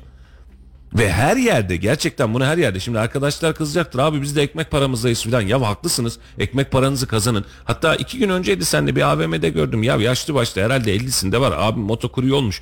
E yani 3 kuruş oradan para kazanacağım diye ekmeğin derdinde gerçekten de üzüldüm de bir taraftan. E ama bir baktığında zaman sen bunu düzenleme yapmazsan bak şimdi İstanbul neyi tartışıyor? Martılar, binbinler vesaireler var ya bunların trafikteki düzenlemesini tartışıyor. Bunlar bile problem. Motosikletler şu an bizde problem. Ve bununla alakalı denetimimizde çok ciddi sancı var. Denetimden kastımızı söyleyince trafik şube müdürlüğü şöyle yapıyor. Efendim dikiyor polislerimizi sağ olsunlar. Bu adamların ehliyeti var mı? Başka bir şey var mı? İşte e, eksiği var mı? Gediği var mı? Ha, buna bakıyor. E peki trafikte oluşturduğu terörü ne yapacağız? Bunun içinden nasıl O kadar çıkacağız? çok ışık ihlalleri yapıyorlar ki yani kırmızı ışık onlar için hepsi yeşil. Bakıyor bir yavaşlıyor biz orada duruyoruz tamam onda da 38 bilmem ne bilmem ne diye rakamlar var plakası var bende de var. Ne demek bu? Benim trafikte neye uymam gereken kanun kural varsa aynısı onun için de geçerli. Aynen öyle. Onun ne ha- neye hakkı varsa benim de aynı şeye hakkım var. Dolayısıyla eşitiz. E o zaman ışıklarda hak hukuk yok. Geçiyor dediğiniz gibi yaya kaldırımdan geçiyor. Oradan zıplıyor, buradan zıplıyor. Tam kalkacağım ya dün akşam ışıklarda tam kalkış yapıyorum. Önümden vız diye araba geliyor. Şey araba diyorum özür dilerim. Motosiklet Motosiklet geçiyor. Yani anlık frene basmasam Allah Uçtu. korusun Ucundan alacağız. ucundan alacağım. Yaralandı. Hadi ölmez de yaralandı. Ya yapmayın bunu. Böyle vızır vızır böyle şey hani korku filmi Chucky diye bir vardı ya tiplemesi. Evet. İnsanları korkutuyor bırt diye çıkıyor. Ya yapmayın bunu o zaman. Bir de orada moto e, kuryelerde ve motosiklet sürücülerinde biz de birkaç tanesini sen de biliyorsun. Bizim arkadaşların kardeşlerinde vardı aynı hadise. E, motor tutkusunu yenebilmek adına parası önemli değil işe giriyor. Hız yapacağım motora bineceğim diye. Tamam bin güzel iyisin eyvallahsın ama senin hız yapacağın motorlar ya da böyle aksiyon yaratacağın anlık tak tak tak sipariş getireceğin abi hangi dünyada yaşıyorsun? En ufak kazanın e, gerçekten fark edemeyeceğim boyutları var. Şimdi Feridun abi yazmış X bir markette 3 harflerden bir tanesinde sipariş başı 19 lira ayda 2 sefer hak ediş veriliyor demiş. E, Valla bu konuda da şöyle bir sancı var. Birçok marka e, gıda markası da aynı sürece girdi Halil. E, kendi kendimizi kandırıyoruz. Yani adam bende çalışıyor motosikletini ben veriyorum ama ona zimmetliyorum. Yetmiyor onun üzerine diyorum ki sen bir iş yeri kur. Yani nasıl yani vergi mükellefi ol. Allah Allah ne alakası var? Çünkü ben senin sigortanı ödemeyeceğim. Yani sen çalışacaksın istiyorsan aylık bin lira kazan istiyorsan aylık on bin lira kazan. Götürdüğün sipariş kadar adamsın. E bunun parasını da sen kazanacaksın. Hepiniz esnafsınız. Sen bana esnaf olarak sanki şirketin varmış gibi hizmet veriyorsun. Peki madem öyle sendikalaştır bunları ya da bir şirket altına tut. Yani bilmem bir şey ulaşım şirketi olsun, e, lojistik şirketi olsun. Lojistik şirket sana hizmet satsın kardeşim o zaman. Yok ona da yok. Niye? Mali sorumlulukları birebir bunların üzerine yüklemek için. Ve şu an baktığın zaman aylık 5 bin lira kazanan da var 10 bin lira kazanan da var. Aylık 5 bin lira 6 bin liraya kazanınca arkadaş diyor ki ya tamam diyor ben bu işten yırtarım. E peki aylık 2 bin lira bağkurum binecek kardeşim nasıl olacak bu iş? Doğru mu? E, sen bunun vergisini ödeyeceksin. Bisikletin arızası var, bakımı var. Allah esirgesin kaza yaptığın zaman bir dünya masrafı var. Aynen öyle. E şimdi işveren de diyor ki abi ben de çalıştırınca ne motosiklet duruyor ne hayat duruyor diyor. Şimdi e, Adam gar- çalıştıramıyorum Ha, ga- garip taraf şu efendim zarar ediyorsa yapmayacaksın. Zarar ediyorsa bunu kullanmayacaksın. Vatandaşın da böyle kullanılmasına izin vermeyeceksin. Bak şimdi X bir marka online marka bu. Halil geçen bizim Ahmet'in başına gelmiş. O bizden ayrıldı biliyorsun Maraş'a döndü. Ee, kendine ait bir sayfası var. Sosyal medya sayfası. E, Trendyol ya hadi adıyla da beraber söyleyeyim. Trendyol diyor ki ben size reklam vereyim de reklamımı burada paylaşın ben de size para ödeyeyim diyor. Bu arkadaş da diyor ki makul. Ya düşünsene reklam almak için koşturmuyorsun. Dakika başı şimdi internette çıkıyor bilmem bir şey yemek. Hadi tıkla 50 lira indirim kupon. Orada gösterim başı değil her tıklama başı ücret alıyorsun. Yani kitlen sadıksa senin anladın mı? 100 bin, 200 bin, 500 bin kitlen var. Oradan adam yemek sipariş için bir sefer tıkladı sana para yazıyor. Buraya kadar güzel sıkıntı yok para kazanacağım diyor. AdWords gibi bir şey. Aynen. Ama bu parayı kazanmak için şimdi e, firma akıllı. Sen bunun formunu doldurduğun anda maliyeye bildirimle sana para ödeyecek ya. Seni vergi mükellefi yapıyor. Çocuk o işten 400 lira mı 300 lira mı ne para almış. Hayır. E, en son Maraş'a gitmeden önce Ahmet dedi ki abi gitmem lazım. Hayırdır Ahmet dedim. E, abi dedi Bağkur'un başlamış dedi. 3 aydır dönüyor dedi. Aylık 2000 lira. 6 bin lira gitti. 6 bin lira gitti. Çünkü niye? Onu vergi mükellefi yaptık. Niye? Sen para kazanıyorsun. Para kazanıyorsan vergi mükellefi olman lazım. Burada bu sistemleri, insanların birbirini kandırdığı sistemlerin dışına çıkmak lazım. Ha şimdi bu çocuk bu işten atıyorum aylık 10 bin lira 20 bin lira para kazanacaksa gitsin Bağkur'un da ödesin başka bir şeyin de ödesin. Çocuğun Bağkur'la alakası yok. Çocuk sigortalı çalışan normalde ama bir bakıyorsun sen sağ ben selamet geçmiş olsun. Evet. Ee, bu motokuryeler konusunda özellikle e, yine söylüyorum. Bir son dakika var Halil'cim. E, Düvenönü eski emniyetin orada kaza olmuş. Tramvayda gecikmeler yaşanabilir çünkü tam tramvay hattının üzerinde meydana gelmiş. iki araç e, önleri darma duman olmuş ve tam da dönüşte olduğu için e, muhtemel itibariyle değerli dostlar tramvay hattında bir e, gecikme yaşayabileceksiniz. Neresi burası? Askerlik şubesinin tam önündeki geçiş. Doğru mu? Eski emniyetin orası askerlik şubesinin önü. Orada bir kaza meydana gelmiş. Orada sıkışıklıklar yaşanabilir. Tramvay hattında tramvay bekleyen geliş ve gidiş hattındaki tramvay bekleyen vatandaşlarımız da kısa süreli gecikmeler yaşayabilir. Bunun da bilgisini vermiş olalım. çok geçmiş. Sözünü kestim özür dilerim. Estağfurullah çok çok geçmiş olsun. Şu an ben de haritadan bakıyorum. Ee, o bölge artık e, turuncu bile değil kırmızıya Kırmızı. dönmeye başlamış. Aynen öyle. E, motokuryelerimizin ve e, özellikle ya bir de dün bir şey haberi vardı. Onu gördün mü bilmiyorum. Ben yeniden bulabilir miyim bunu da bilmiyorum. Bir bakayım. E, yine üç harfli marketlerden bir tanesiyle sözleşme imzalanmış meslek liseleri arasında. Gördün mü onu?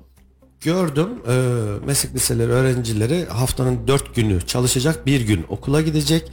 E, bunun karşılığında %30 muydu %35 asgari ücretin eğer bu e, şeyse 12 yaş ve üzeri öğrenciler 4 gün A101'de işçi olarak çalışmaya bir gün ise okula gidecek demiş. Kaynaklı Cumhuriyet Gazetesi'ni göstermiş. Devamsızlığı olan ve not ortalaması düşük olan çocuklar bu şekilde 1650 lira ve üzerinde çalıştırılacak. Ee, ben buna birazcık e, hayıflandım işin açıkçası. 12 yaşın üstündeki çocukları meslek lisesinde şimdi mesleki eğitim olan bunu bir sanayideki tezgahta vesairede bunu yapıyor olsam buna birazcık anlam vereceğim. Ama bu marketler servisin yapıldığı, rafın dizildiği, e, e, yoğun emek sarf edilen ve meslek edinmek adına neyi öğreneceğiz? Marketçilik diye bir bölüm mü var? Pazarlama bölümü mü yapacak bunu acaba? Ya hayır şöyle şimdi olayda çelişki görüyorum. Çünkü meslek lisesi 15 yaşından aşağı ya da 14 yaşından aşağı meslek lisesine başlayamaz. Çünkü orta öğretimde mesleki eğitim yok bizde. Orta öğretim standart, ilk öğretimle orta öğretim 8. sınıfa kadar standart. Burada herhangi bir liseden bahsetmek, 12 yaş üzerinden bahsetmek de zaten imkansız. Eğer çocuk 4 yaşında, 3 yaşında ilkokula başlamadıysa, üstün zekalı değil, olmadıysa, sınıf atlamadıysa e, 14 yaşından önce zaten liseye başlayamaz. Meslek lisesi dediğimiz lise 1'de başlar. Yani 9. sınıfta başlar. Yani bu haber içeriğini bilmiyorum ama Ee, bir, bir bir haber daha geçmiş. Milli Eğitim Bakanlığı ve A101 arasında imzalanan ve öğrencilerin A101'de 4 gün çalışmasını öngören protokol kamuoyundan gelen yoğun baskı üzerine geri çekilmiş. Bilmiyorum. Yani e, teklifin de içeriğini bilmiyorum ama Evet, iptal lisesi, etmiş. Meslek lisesi olarak değerlendiririm. Yani oradaki 12 yaş değil de hadi makul olsun 14-15 yaşsa e, normal meslek liseleri gibi. Şimdi hayır bir de e, izahı olmayanın mizahı olur. E, zaten üniversite mezunları birçoğu gidiyorlar kasiyer oluyorlar. E, bari en Durum nasıl 14-15 olmuş onu da anlatayım. staj CHP Genel Başkan Yardımcısı Veli Ağbaba Milli Eğitim Bakanlığı'nın öğrencileri A101'de ucuz iş gücü olarak verdiğini ve çocuk işçiliğini meşrulaştırdığını belirterek konuyu meclis gündemine taşımış. Protokol iptalinin ardından açıklama yapan Ağbaba Milli Eğitim Bakanlığı'ndan gelen tepkiler üzerine 6 Ekim 2022 tarihinde imzaladığı A101 protokolünü iptal etmesi öğrenciler adına sevindirici bir gelişme demiş. Bu protokol uygulansaydı MESEM'e kayıtlı öğrenciler okul yerine haftanın 4 günü mesleki beceri kisvesiyle A101'de ucuza çalıştırılacaktı. Ee, üstelik ücretleri de işsizler için ayrılan işsizlik sigorta fonundan karşılayacaktı. Ee, hali hazırda ciddi kar marjı olan bu market zinciri karına kar katsın diye öğrencilerimizi köle gibi çalıştıracaktı. İşin bir diğer vahim boyutu ise bu protokolle devlet eliyle çocuk işçilik meşrulaştırılacaktı demiş. Büyük bir yanlıştan dönüldüğünü söylemiş. MESEM üzerinden yapılacakmış. Ee, şimdi e, burada şunu e, A101 de konuyla alakalı açıklama yapmış. E, imzalanan vesaire vesaire e, hemen devam edeceğim. Milli Eğitim Bakanlığı Mesleki ve Teknik Eğitim Genel Müdürlüğü ile Yeni Mağazacılık Anonim Şirketi işbirliğiyle sektör çalışanlarının mesleki eğitim merkezleri aracılığıyla eğitim öğretim sürecine dahil olmalarını sağlayan belgelendirme vesaire vesaire vesaire bu protokol kapsamındaki süreçler 18 yaş altında hiç kimse dahil olmamaktadır demiş. Mesleki sertifikasyonu yapmak için yapılıyor ama 18 yaşının altında yok demiş. Nasıl yani ya? Meslek lisesinde 18 yaş üstü adam yok ki. Son sınıf olur. 10. sınıf olur. Yani en, en erken 10. sınıf olur. Valla burada şimdi bu üç harfli marketlerle alakalı e, bir şikayetim daha var. Onu da söyleyeyim en azından hazır konu açılmışken. İşkur'un e, ilk e, işte e, yerinde öğretim mi ne öyle bir hadisesi var. E, ve diyor ki İşkur'dan gel kardeşim diyor. İlk 6 ay diyor maaşını İşkur verecek. Sen burada çalışacaksın. 6 ay sonra İşkur'un da aslında hedefi şu. 6 ay burada çalışsın. 6 ay çalıştıktan sonra maaşını ben vereyim. Bunun problem değil. Devletimiz aslında çok büyük gönüllülük yapıyor bu işlerde. Ama kullanım esasımız ne yazık ki kanunsuz hale geliyor. 6 ay çalış.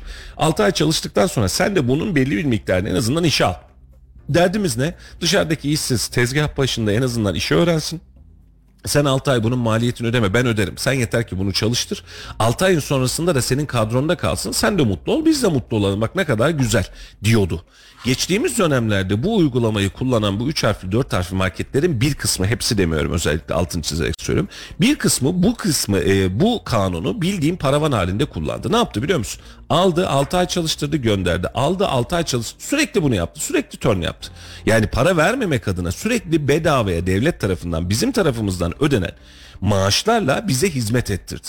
Ve bunun sonrasında ne oldu biliyor musun? Zannedersem Şubat Mart civarındaydı. Kanunun yürürlüğü değiştirildi. Mesela dedi ki şu kadar çalışacaktın yok bunu daha aza düşürdüm. Şu kadar işçin lazımdı bunu daha fazlaya çıkarttım gibi. Devlet artık bunun e, kullanımını düzenlemek adına yeni bir protokol ge- geliştirdi. Şimdi bunu niçin söylüyorum? Yahu insanlar e, meşhur hikaye vardır. Ahmet Bey'den herhalde konuşmuştuk bu hadiseyi. Yok pardon bizim e, eski Tevfik abimle konuşmuştuk. E, şimdi Almanya'da misal olarak veriyorum boşanan kadınlarla alakalı diyor ki kadın tek başına e, ayaklarının üzerinde kalabilsin diye kadına ekstra bir fon oluşturuyor. Diyor ki atıyorum sana bin euro misal ben sana para vereceğim. Sen boşandıysan tek başına ayakta kalabil diye işin yoksa diyor ben sana destek vereceğim diyor. Ne, ne kadar güzel değil mi? Devlet tarafından sosyal devlet anlayışıyla be- be- e, yapıyorsun. Sonuç ne olmuş biliyor musun? Oradaki tüm Türk aileler boşanarak hayatına devam etmiş. O parayı alabilmek adına. Şimdi e, insanlar niye kızıyor? Almanya'dakiler Türklere niye kızıyor? Diyor ki ya benim kadın kadınımın haklarını koruyabilmek için çıkarttığım kanunu sen delmek adına bunu yapıyorsun diyor. İşçi çalıştırmak için e, ortaya çıkartılabilecek hadiseyi sen bu hale dönüştürüyorsun. Şimdi meslek eğitimle alakalı geçen gün de konuşmuş katılıyorsun. Usta eğitici belgen varsa meslek liselerinden e, belli bir miktarda öğrenci alabiliyorsun ve maaşını da devlet veriyor. İşte 1500 lira 2000 lira neyse. E, bu haftanın 4 gününde bu çocuk sana geliyor. Sen de iş yapıyor. Sen usta öğretici olmuş oluyorsun. Ona işi öğretiyorsun. Ve bu 3 yıllık 4 yıllık süre zarfında reel anlamda pazarda yetişen çocuklar çıkıyor. Düşünsene meslek lisesi cevval gibi çocuklar çıkmış gelmiş 3 yıl 4 yıl boyunca parasını bir de üstüne sigortasını devlet ödemiş. Çatır çatır 4 yıl boyunca atölyede iş öğrenmiş. Ne kadar güzel değil mi? Müthiş bir şey. Şimdi bakıyorsun bunu market rafına mal dizdirmek için adam bulmak adına bu protokolü kullanmaya çalışıyoruz. Valla tepki de haklı. Tepkinin sonucunu da geri çekmişler ama markette hangi mesleği öğreneceğim ben ya? Hangi meslek? öğrenir, kasiyerliği öğrenir. kadar. Mal indirmeye kaldırmayı Meslek öğrenir. lisesine Neyi öğrenir? marketçilik bölümü açacaksan marketçilik bölümünden de iki tane çocuk bunu yapacaksa bunu anlarım kardeşim ne gereği var ya. Yani bunu yapacaksan usta eğiticiliği rahatlat, esnafın her birine bunu dağıt. Bu çocuklar da gelsin sektörün içerisinde dengelensin. Allah'tan ki geri çekmişler bence büyük bir yanlıştan dönülmüş durumda. E tabi bir taraf sadece 12 yaşa takıldım. Şimdi A101'in açıklamasında 18 yaş altını kapsamıyor diyor. Hangisi doğru nedir bilmiyorum ama 12 yaş olması zaten 18 yaş üstü olması da mümkün değil ama. hukuken e, 12 yaş olması zaten Mümkün fıtrata değil. aykırı da mümkün değil. 12 yaşındaki bir çocuk 5. sınıfa gider, 6. sınıfa gider. Oradaki meslekiyle alakalı hiçbir şey yok zaten. Kanunda da yok. Yurt dışında da yok. Dünyada da yok. Yani çocuk işçi değil ama 18 yaş üzerinde böyle bir uygulama var mı? E, varsa da saçma bir şey de. Hadi 18 yaş üstleri kabul edilebilir. Meslek liseleriyle alakalı dedin. Hadi konuyu bir daha hortlatalım. Ee, önemli bir konu. Yani insanlar ne yapıyorlar? Benim çocuğum okusun adam olsun. İyi tamam güzel. Okuyor adam olamıyor. Bir, eğitimin zaten e, üniversite eğitiminin berbatlığını bir kenara bıraktık. Kaç yaşında mezun oluyor üniversiteden ortalama bir öğrenci? 22 23 En erken. Evet. Hadi 1-2 yılda uzatmış olsa 25. 25 yaşında. E, Bir de önüne askerlik geldi. Bir yılda öyle gitti. Gidiyordum, geliyordum, geldim, gittim, iş aradım. 25 yaşında. Artık ağaç olmuş. Odun olmuş, kütük olmuş. Eğebileceğimiz Nasıl eğebileceksin? Nasıl şekil verebileceksin? Yok. Peki bu işin yöntemi ne?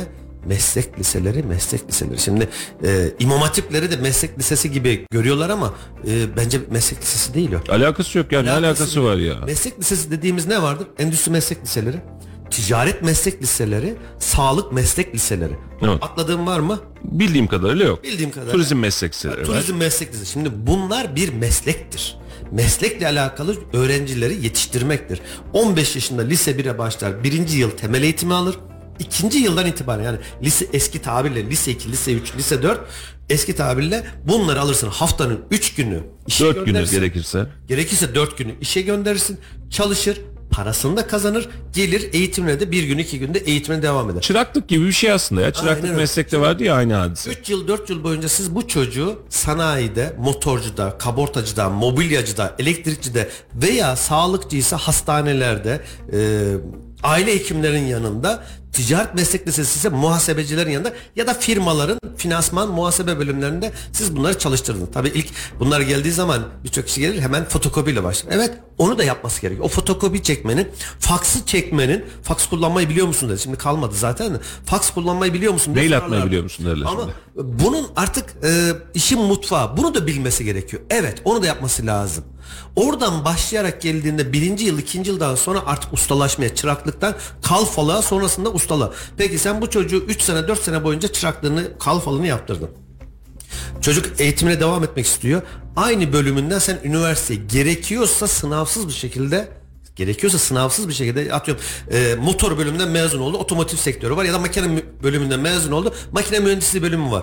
Kaç tane öğrenci alınacak Türkiye gelinde? Sallıyorum rakamları 5000 tane makine mühendisliği alınacak. Bunun 3000 kontenjanını meslek liselerinden gelen öğrenciye ayır. Oradakilerin bir başarı oranına göre ya da not ortalamasına göre direkt kaydını yap isteyenlere. O çocuk bir 4 yılda makine mühendisi ama yine aynı şekilde sanayiyle işbirliği içerisinde yine lisedeki gibi üniversitede stajına devam edecek. Çalışmaya devam edecek şekilde yap 8 yıl. 22-23 yaşında mezun oldu üniversite. Bu çocuğun ustalığı nasıl olur? Cevval olur. Cevval olur ya cevval. Artık Çiçek gibi olur. çıraklık kalfalıktan çıkar bildiğin usta olur. Ertesi gün gider sanayide Bunu daha önce anlatmıştım. Ee, çok sevdiğim bir kardeşim bir dönem bir, e, bizim verdiğimiz bir takım eğitimler vardı. Ona da gelmişti. İngiltere'ye gitti. Ee, İngiltere'den geldikten sonra kızımız da mimardı. Ee, şimdi İstanbul'da. Ee, nasıl dedim ablacığım nasıl durumlar dedim. Ee, abi dedi biz saçmalamışız dedi. Nasıl yani dedim. Ben mimarım deyince dedi İngiltere'de insanların rengi değişiyor dedi. Niye dedim ne alakası var dedim. İnsanların üniversite okumak gibi bir gayreti yok orada dedi. Çünkü dedi herhangi bir sıhhi tesisatçı geldiğinde saatine 50 sterlin, 100 sterlin, 500 sterlin her neyse o zamanki rakamları hatırlamıyorum. Benim saatlik işçiliğim bu diyerek sadece bunun ustalığını yaparak e, bir doktordan bir mühendisten hemen hemen aynı parayı alabiliyor dedi. E, 4 yıllık üniversite demek onlar için tamamen bir akademik kariyer demek diyor. Yani hani ben bunu yaptım akademik kariyerim var. Ben üniversitede işte doçentim, profesörüm vesaire demek adına bunu yapıyor. Ama bunun dışındaki insanlar normal hayatını ro- ro- çok rahatlıkla idare edebildiği için ve güzel rakamlarla tesisatçı olmak düşünsene İngiltere'de tesisatçı olmak müthiş bir şey. Elektronikçi olmak müthiş bir şey. Yapan yok. Yapan niteliği az ve buna karşılık verilen değer fazla. Şimdi bizde hadise bak biraz önce çok güzel bir şey söyledin. Aslında şu bahsettiğimiz kapıların bir miktarı açık. Mesela bakıyorsun mesleki eğitimde çıraklık e, mevzuata açık mı? Açık. Gidip çıraklık e, haftanın 3 günü 4 günü e, sektörde iş iştigali yapabilir mi? Yapar. Devletin de maaş veriyor. Bak biraz önceki A101 ile alakalı konuştuğumuz hadise. Devletin de maaş veriyor. Buyur kardeşim ben senin maaşını da yapıyorum sigortanı da yapıyorum diyor. Müthiş harika. Dönüyoruz buradan çıkıyoruz. E, senin bölümünle alakalı üniversiteyi tercih edersen ÖSYM sistemi sana ek puan veriyor. Sana kontenjan ayırmıyor ama sen sıralamaya girdiğin yerlerde anladın mı? Diğerine göre bazı bölümlerde var mesela 2 yıllık 4 yıllık bazı bölümlerde var. Katsayılar Ee, kalktı diye biliyorum ama son yeni uygulama varsa onu bilmiyorum. ben de eskiyi biliyorum. Son Eski son dönem bilmiyorum. Ha, Katsayılar hattı Vardı o zaman. Meslek lisesi normal bölüme kazanırsa atıyorum 20 puanı siliniyordu. 20 puan demek ne demek biliyor musun? 30 bin 50 bin kişi gündemi değiştiriyor. Aynen öyle. Şimdi bu yapıların her birini yaptık ama bunun kullanımındaki garabet bizi yoruyor. Yani şimdi adam diyor ki abi diyor buradan da haricen teşvik veriyormuş, harçlık da veriyormuş, benim hesabıma yatırıyormuş, ben çırağa yatırıyormuşum, onun kartını vereyim acaba buradan hangi dümenikeyi yaparım? Milletin derdi o kalıyor. Seninle şu konuda yüzde yüz fikrim özelimizde de bunu çok fazla konuşuyoruz. Memlekette me- meslek lisesi koçun böyle bir projesi vardı biliyorsun. Meslek lisesi gerçekten tam bir memleket meselesi. Kesinlikle. Lütfen artık kafamızdan şunu çıkartalım. Benim çocuğum üniversite okumak zorunda değil. Eğer yeteneği bu değilse değil ya yapma. Zorlama çocuğu. Yani bunu işte atıyorum e, hani me- meşhur o karikatürler var ya hani eşitlik mi dengelik mi adalet mi filan diye. Yani çocuğun hiç alakası yok. Çocuk e, çok farklı yeteneklere sahip ama sen çocuğu tutuyorsun. Acaba ben buna uzun atlamayı sırıkla atlamayı nasıl yaptırırım? Çocuğun öyle bir yeteneği yok ya. Çocuk başka bir yetenekli. Çocuk çok iyi futbol oynuyor. Çocuk çok iyi bale yapıyor. Çocuk o çok iyi jimnastik yapıyor. Spor segmentinden bahsediyorum. Çok çok iyi bas, futbol oynuyor. E, atıyorum basketbol oynuyor ama sen çocuğa diyorsun ki sen sırıkla atlama yapacaksın. Ya çocuğun alanı bu değil. Şimdi e, Türkiye ve yurt dışında çocukların eğitimiyle alakalı iki farklı bir bakış açısı var. Çok kısa bir şekilde anlatayım. Şimdi Türkiye'de çocuğumuz lisede okuyor. Örnek veriyorum. E, edebiyattan 100 almış. Tarihten 95 almış. Örnek veriyorum. Coğrafyadan 90 almış. Matematikten 50 almış. Evet. Fizikten 55 almış ya da 45 almış. Bizim e, Türk aile toplumunda ne yaparız Mustafa Bey? Özel ders aldırırız. Hangi ders aldırırız? Matematik, fizik, kimya işte. Tamam. Yurt dışında aynı öğrenci yurt dışında ailesi ne yapıyor biliyor musun? Edebiyattan, Burada bu Tarihten, çocuk iyi çünkü diyor. coğrafyadan. Demek ki diyor bu çocuğun eğilimi edebiyat. Bu diyor çok iyi bir edebiyatçı olsun. Hoca olur, öğretmen olur, şair olur, yazar olur, bir şey olur. Hangi yönü güçlüyse orayı daha da güçlendirmeye çalışıyor. Biz de ne yapıyoruz? Hangi yönü zayıfsa onu yukarı çıkarmaya çalışıyoruz. Ya beş parmağın beşi bir değilken her çocuğun aynı olması. e, böyle bir kalıptan, alçı kalıptan, fabrikasyon kalıptan çıkar gibi. Her çocuk matematikten anlayamayabilir. Gayet normal. Her çocuk fiziği, kimyayı yapamayabilir ya da edebiyattan anlamayabilir. Herkesin sayısal zekası var, sözel zekası var. Şimdi biri diğerinden üstün değil ki. Herkes kendi alanında e, kendi uzmanlığıdır. Şimdi herkesin bütün dünyada en saygın meslek nedir? Doktorluk. Evet. Peki sanayide bir motorcunun yaptığı işi yapabiliyor mu? Hangisi daha cahil o zaman? Valla bu cahillik değil bu yetenek meselesi. yetenekle Zaten e, sancımız şu çocuğun yetenekleri bizde bak yetenek kültürü yok. Çocuğun biz en fazla sayısala mı sözele mi yeteneği var diye belki zorluyoruz ama annenin babanın aklında doktorluk varsa misal olarak veriyorum. Ama o diyor sen bunu olman lazım diyor. Ben üniversite sınavını kazandım mühendislik kazanmıştık o zaman. Bitiremedik ayrı hadise de. Mühendislik kazandım. Ablam geldi dedi ki kardeşim dedi biraz daha kazanıp tıp kazanamadın. dedi. Kazandığım mühendislik her o zamanki tüm tıpları geçiyordu. Ama mantık kafada tıp ya Hani az daha okuyup çarşafı olamadığın hikayesi var meşhur. Bilmeyenlere kısacık anlatalım. Köyde işte e, çocuk geliyor doktor oldum diyor vesaire diyor ama baba işte tablacı çarşafı dediğimiz zabıta zabıtadan yılmış durumda zaten. Çarşafı olamadın dedi. Yok baba diyor bak bu lan diyor az daha okuyup çarşafı olaydın bundan iyiydi diyor. Hadise buna doğru dönüyor. Velinin kafasındaki profilden bir çıkmak lazım öncelikli olarak. İki bu çocukları e, üniversite mezunu A101 BİM Şok BİM Gross vesaire çalışanı yapmaktan da artık vazgeçmemiz lazım. Onlara kasiyer Yani yazık. Gerçekten yazık. Şimdi asgari ücreti bulduğu zaman mutlu olacaksa çocuk eğer toplamında senin 4 yıl boyunca üniversite okutmanı bunu 2 yıl boyunca sınav için dershaneye göndermenin bir anlamı yok. Hadi geçtik bu kısmı. Çocuğun gerçekten teknik, yetenek, matematiksel ya da zihinsel becerisi bu anlamda varsa tamam üniversite okut bunu anlarım okutma demiyorum. Ama bu kadar üniversiteyi koymak, bu kadar üniversiteyi o meydana getirmek bile bence başlı başına zor. Bir planlamamız yok. Mesela makine mühendisliğine gidiyorsun Halicim. Güzel gidebilirsin sıkıntı yok. Bu sene kaç tane makine mühendisi mezun vereceğiz? Acaba kapasiteyi daraltsak mı? Bizim önümüzdeki 20 yılda bu kadar makine mühendisine ihtiyacımız olacak mı olmayacak mı diye sorgulayan bir mekanizmamız yok.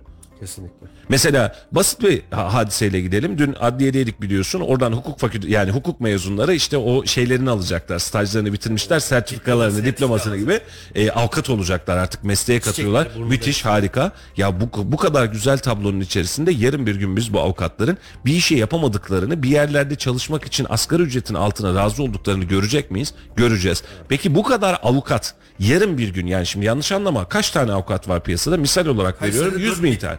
Atı- atıyorum Türkiye genelinde 100 bin tane avukat var. Kardeşim bunların emeklilik süreleri, kurumların ihtiyaçları, yarın bir gün olabilecek hadiseler, ölüm süreleri. Bak bunların hepsini hesaplarsın. Dersin ki bana yıl ortalaması ortalama 2000 tane avukat lazım. 2000 tane avukata da hadi ne olur ne olmaz %10 da fazla yapayım 2200 avukat lazım. Peki o zaman ne yapacaksın? Bu yıl üniversiteye 2200 tane hukuk için adam alacaksın. Doğru mu? Avukat olsun diye. Sen ne yapıyorsun? Her bölümde hukuk fakültesi var. 5000, Al 10.000 alabildiğin kadar. Abi nereye kadar Ne yetişeceğim iş ben buna? yapıyorlar? Nereye kadar yetişeceğim? Sonrasında ne oluyor? Piyasada 5 bin tane avukat olması gerekirken sen 20 bin tane avukat yapıyorsun. Avukatların 15 bin tanesi değil. Yaklaşık 15 bin hepsi yani 20 binin hepsi açlıkla kendini tahammül ettiriyor. Niye? Pazar daraldı. Fiyat düştü. Herkes birbirini kırıyor. Aman o, onun da kardeşi avukattı dur ona yönlendireyim diyor. İşin uzmanlığı çıkmıyor ve sen bu adamlara yaşam hakkı vermiyorsun. Sadece avukat mı? Makine mühendisi için durum aynı. Tıp fakültesi için durum aynı. Hemşirelik için durum aynı. Diploma kullandırıyorlar. Diplomalarını kiraya veriyorlar. Kenara Bugünün geçip parasıyla- yatıyorlar. Yok yok kenara geçip yatamıyorlar da. Açık söyleyeyim ne olduğunu söylüyorum. Şimdi atıyorum bir benzin istasyonunda makine mühendisi bulundurma zorunluluğu var. Evet. Ya da bir eczane açabilmek için eczacılık fakültesinde mezun olan birine ihtiyaç var. Ya da belirli bir inşaat için inşaat mühendisine ihtiyaç var. Belli işleri yapabilmek için. Ama orada inşaat mühendisi yok. Diploma duvarda asılı. Benzin istasyonunda makine mühendisi yok ama duvarda e, makine mühendisliği diploması var. Ne yapıyorlar bunlar? Açık söyleyeyim. Yani bunlar piyasada fiiliyatta uygulanıyor. Resmiyette bunların yeri yok ama fiiliyatta uygulanıyor. Makine mühendisi o benzin istasyonunun yolunu bilmiyor. Ama bir bakıyorsunuz e, orada diploma var. Kiraya veriyor. Kaç liradan kiraya veriyor? İki yerle üç yerle birden anlaşıyor. Atıyorum ikişer bin liradan altı bin lira alıyor. Kendi ya hiçbir şey yapmayıp asgari ücretle Ya da gidiyor başka bir yerde başka bir iş yapıyor. gidiyor. Başka bir yerde başka bir işte çalışıyor. İnşaat mühendisleri de Valla şey. diplomasını kiraya vermek de ayrı bir muamma da bizim bu kadar e, mezuna ihtiyacımız yokken bizim en fazla övündüğümüz şey her şehirde 2-3 tane üniversitemizin olmasıysa burada bir sıkıntı var. E, ben tarım yapacak adamı bulamıyorum ama ziraat fakültelerinden, fakültelerinden ziraat mezunları veriyorum ama tarımı yapacak işçiyi bulamıyorum. Bu nitelikteki ara istihdamım yok. E, memleketin sistemi ne yazık ki popüler kültür üzerine devam ediyor. Ünü, benim oğlum okuyacak. Ceketimi satar okuturum. E, benim oğlum benim kızım şu üniversiteyi bitirdi ya da bitirecek demek. E, me- memlekete veya kendisine bir faydası yoksa zorlamayın efendim. Sonra ne yapıyor? Gidiyor ilkokul mezununun yanında işe başlıyor. Aynen Asgari ücretli. Elon Musk ne diyor? Ben üniversite okumadım ama dünyanın en iyi üniversitelerinden en iyi derecelerle mezun olanlar benim emrimde çalışıyor. Aynen öyle. Sırrı. Yani e, o ticari zekadır belki. O taraftan bir şey diyemem ama memleketteki çocuklarımızı her gün e, meslek liseleri yerine ya da mesleki öğrenimler yerine üniversite sınavına zorlamak memleketin intiharıdır. Milyon tane öğrencimiz her yıl 1,5-2 milyon civarında öğrencimiz sınava giriyor. Ertesi yıl 1,5-2 milyon öğrenci bir kez daha sınava giriyor. Belki 3 milyon giriyor son rakamları milyon, bilmiyorum. milyon 200 de Şimdi e, giriyor. 3 milyon tane çocuk sınava giriyor. 3 milyon çocuk sınava girdi. 4 yıl okudu. Aman bitiyor mu? 5 yıl oldu. Bir bakıyorsun her yıl 1 milyon 2 milyon insan da KPSS sınavına giriyor. Nereye kadar gidecek bu? Mesela çocuklar geliyor şimdi konuşuyoruz. Abi ne yapıyorsun diyorum. Şimdi çocuk iş başvurusuna geliyor ya da bir yerde tanışıyoruz. Abi üniversiteyi bitirdim şöyle yaptım. Ne yapacaksın? Abi sınava hazırlanacağım. Ne sınavı oğlum? Üniversite bitirmişsin sen. Hani iş bitmiş artık. Doğru mu? Hiç meslek Hani e, artık senin olmaması. mesleğe adım atman lazım. Yok abi KPSS kazanmam lazım. KPSS'den şunu aldım şu kadar kontenjan varmış kontenjan yokmuş buradan torpil bulabilir miyim? Biz mahvediyoruz bu çocukları ya. Sonra ne oluyor biliyor musun? Bak e, diğer enteresan taraf bu sistemin getirdiği garabet durumlardan bir tanesi. Bu üniversiteden mezun olan X bölümlerde mezun olanlar KPSS'ye kendine hedef koyuyor. Bir yıl kazanamıyor, iki yıl kazanamıyor. Bakıyor artık ya bu iş böyle olmuyor. Artık hep baba parası yemek de olmuyor. Hadi ben bir işe gireyim asgari ücretle. Asgari ücretle hem çalışmaya başlıyor ve söylediğin gibi diğer taraftan KPSS'ye hazırlanmaya başlıyor. E, hazırlanıyor, devam ediyor. Evet. Bir daha giriyor iki yılda bir ya da yılda bir ne zaman sınavlar açılıyorsa bunlara girmeye başlıyor. Aradan 5 yıl, 6 yıl, 7 yıl geçiyor. Şimdi bu, bu genç arkadaşımız ne oldu? 30 yaşına artık merdiven dayamaya başladı. Ben nasıl olsa KPSS hazırlanıyorum diye mevcutta sadece hayatını idame ettirebilmek, ailesine yük olabil olmamak adına girdiği işte de başarılı olamıyor. Çünkü kendini yetiştirmiyor, işe kendini vermiyor, hedefini KPSS belirlemiş. 5. 7. 10. girişten sonra artık umudunu tamamen kaybettikten sonra yaş geliyor 30 35 bakıyorsun hala asgari ücretle çalışıyor. Kendini de ye- yetiştirmemiş, gelişmemiş, terbiye almamış, öğrenememiş ve ondan sonra ömrünün sonuna kadar da böyle Şimdi Mehmet ediyor. kardeşim demiş ki hayırlı cumalar demiş. Nitelikle e, e, hale gelince bu ülkede emeğe saygı yok. Nitelikli insana değer kıymet yok. Emek hırsızı toplum. Büyük sözde fabrikalara bir bakın beyaz yaka konumlarındakiler hangi üniversite e, mezun ne işle meşgul. Şimdi Mehmet kardeşime şu anlamda katılıyorum. Emek hırsızlığı konusunda üstümüze yok. Ama e, burada kaçırdığımız bir nokta var. Biraz önceki dediğim saatse ne iş yapıyorsunuz? Misal olarak veriyorum dış ticaretçiyim. Misal çok nitelikli bir dış ticaretçiyseniz işiniz ve portföyünüz iyiyse kimse sizin emeğinizi çalamaz. havada kaparlar. Aynen öyle. Ama e, biraz önceki söylediğim ne iş yaparsınız efendim hukukçuyum ben. Hukuk mezunuyum, avukatım. Güzel elinize sağlık. Dönüyorsun piyasaya şöyle bir bakayım ne var diyorsun. Hukukçu diyorsun şöyle bir tık diyorsun. 20 tane 50 tane başvuru geliyor. O zaman senin değerin yok. Şimdi ben birinde çok eski dönem bu bahsettiğim çok büyük bir kurumda muhasebe departmanı var. Çok da severim dinliyorsa selam olsun. Ee, dedim ki ya bana bir tane aklı başında muhasebeci lazım. O zaman asgari ücret yalan olmasın 1100-1200 lira filan civarıydı. Hadi 1000 liradan 1400 liraya çıkmış. o civardaydı yani. Bir, bin liraydı. Doğru doğru bin liraydı. Mustafa ne kadar maaş vereceksin dedi o zaman. Dedim ki abi aklı başında ve muhtemet olsun. Hani güvenebileceğimiz bir şey olsun. Ben 2000 lira da veririm. Problem değil. Çünkü bana aklı başında adam lazım. Sonrası 10-12 bin lira. Abi deli misin sen dedi. Nasıl yani dedim. Ben almıyorum lan o maaşı dedi. Kocaman bir departman var elinde. Yani bugünün parasıyla milyarlar dönüyor elinde. Bak dedi burada 12 tane çocuk var. 12 tane genç var bu işi yapan. Muhasebe birimi burası. Hangisini istiyorsan al götür istiyorsan dedi. Abi ne? Abi manyak mısın sen dedi. Bunlardan bir sürü var dedi. Tamam sen iyisini bul ama bak bunlardan bir sürü var dedi. Bak ne oluyor biliyor musun? Ee, arz talep dengesi dediğimiz. Ee, bu alandaki enflasyonu arttırınca düşünsene şimdi radyo programı yapıyorsun. Elini sallıyorsun 500 tane radyo programcısı var Kayseri'de. Atıyorum 1500 tane radyo programcısı var. Bize kaç tane lazım? Toplam 10 tane lazım. Geri kalan ne oluyor? 1490 tanesi çöp. Ve bu 1490 tane alternatifin olduğu için bu iş bedavaya gidiyor. Bildiğim bedava karın tokluğuna gidiyor. halbuki hani halbuki radyo programcısı sana 10 tane lazım ama memlekette 9 tane var. 11 tane var. Bak o zaman o kadar değerli ki. Halil'i buraya mı alsak bunu buraya mı çeksek? Değerli çünkü kardeşim bilen yok işi.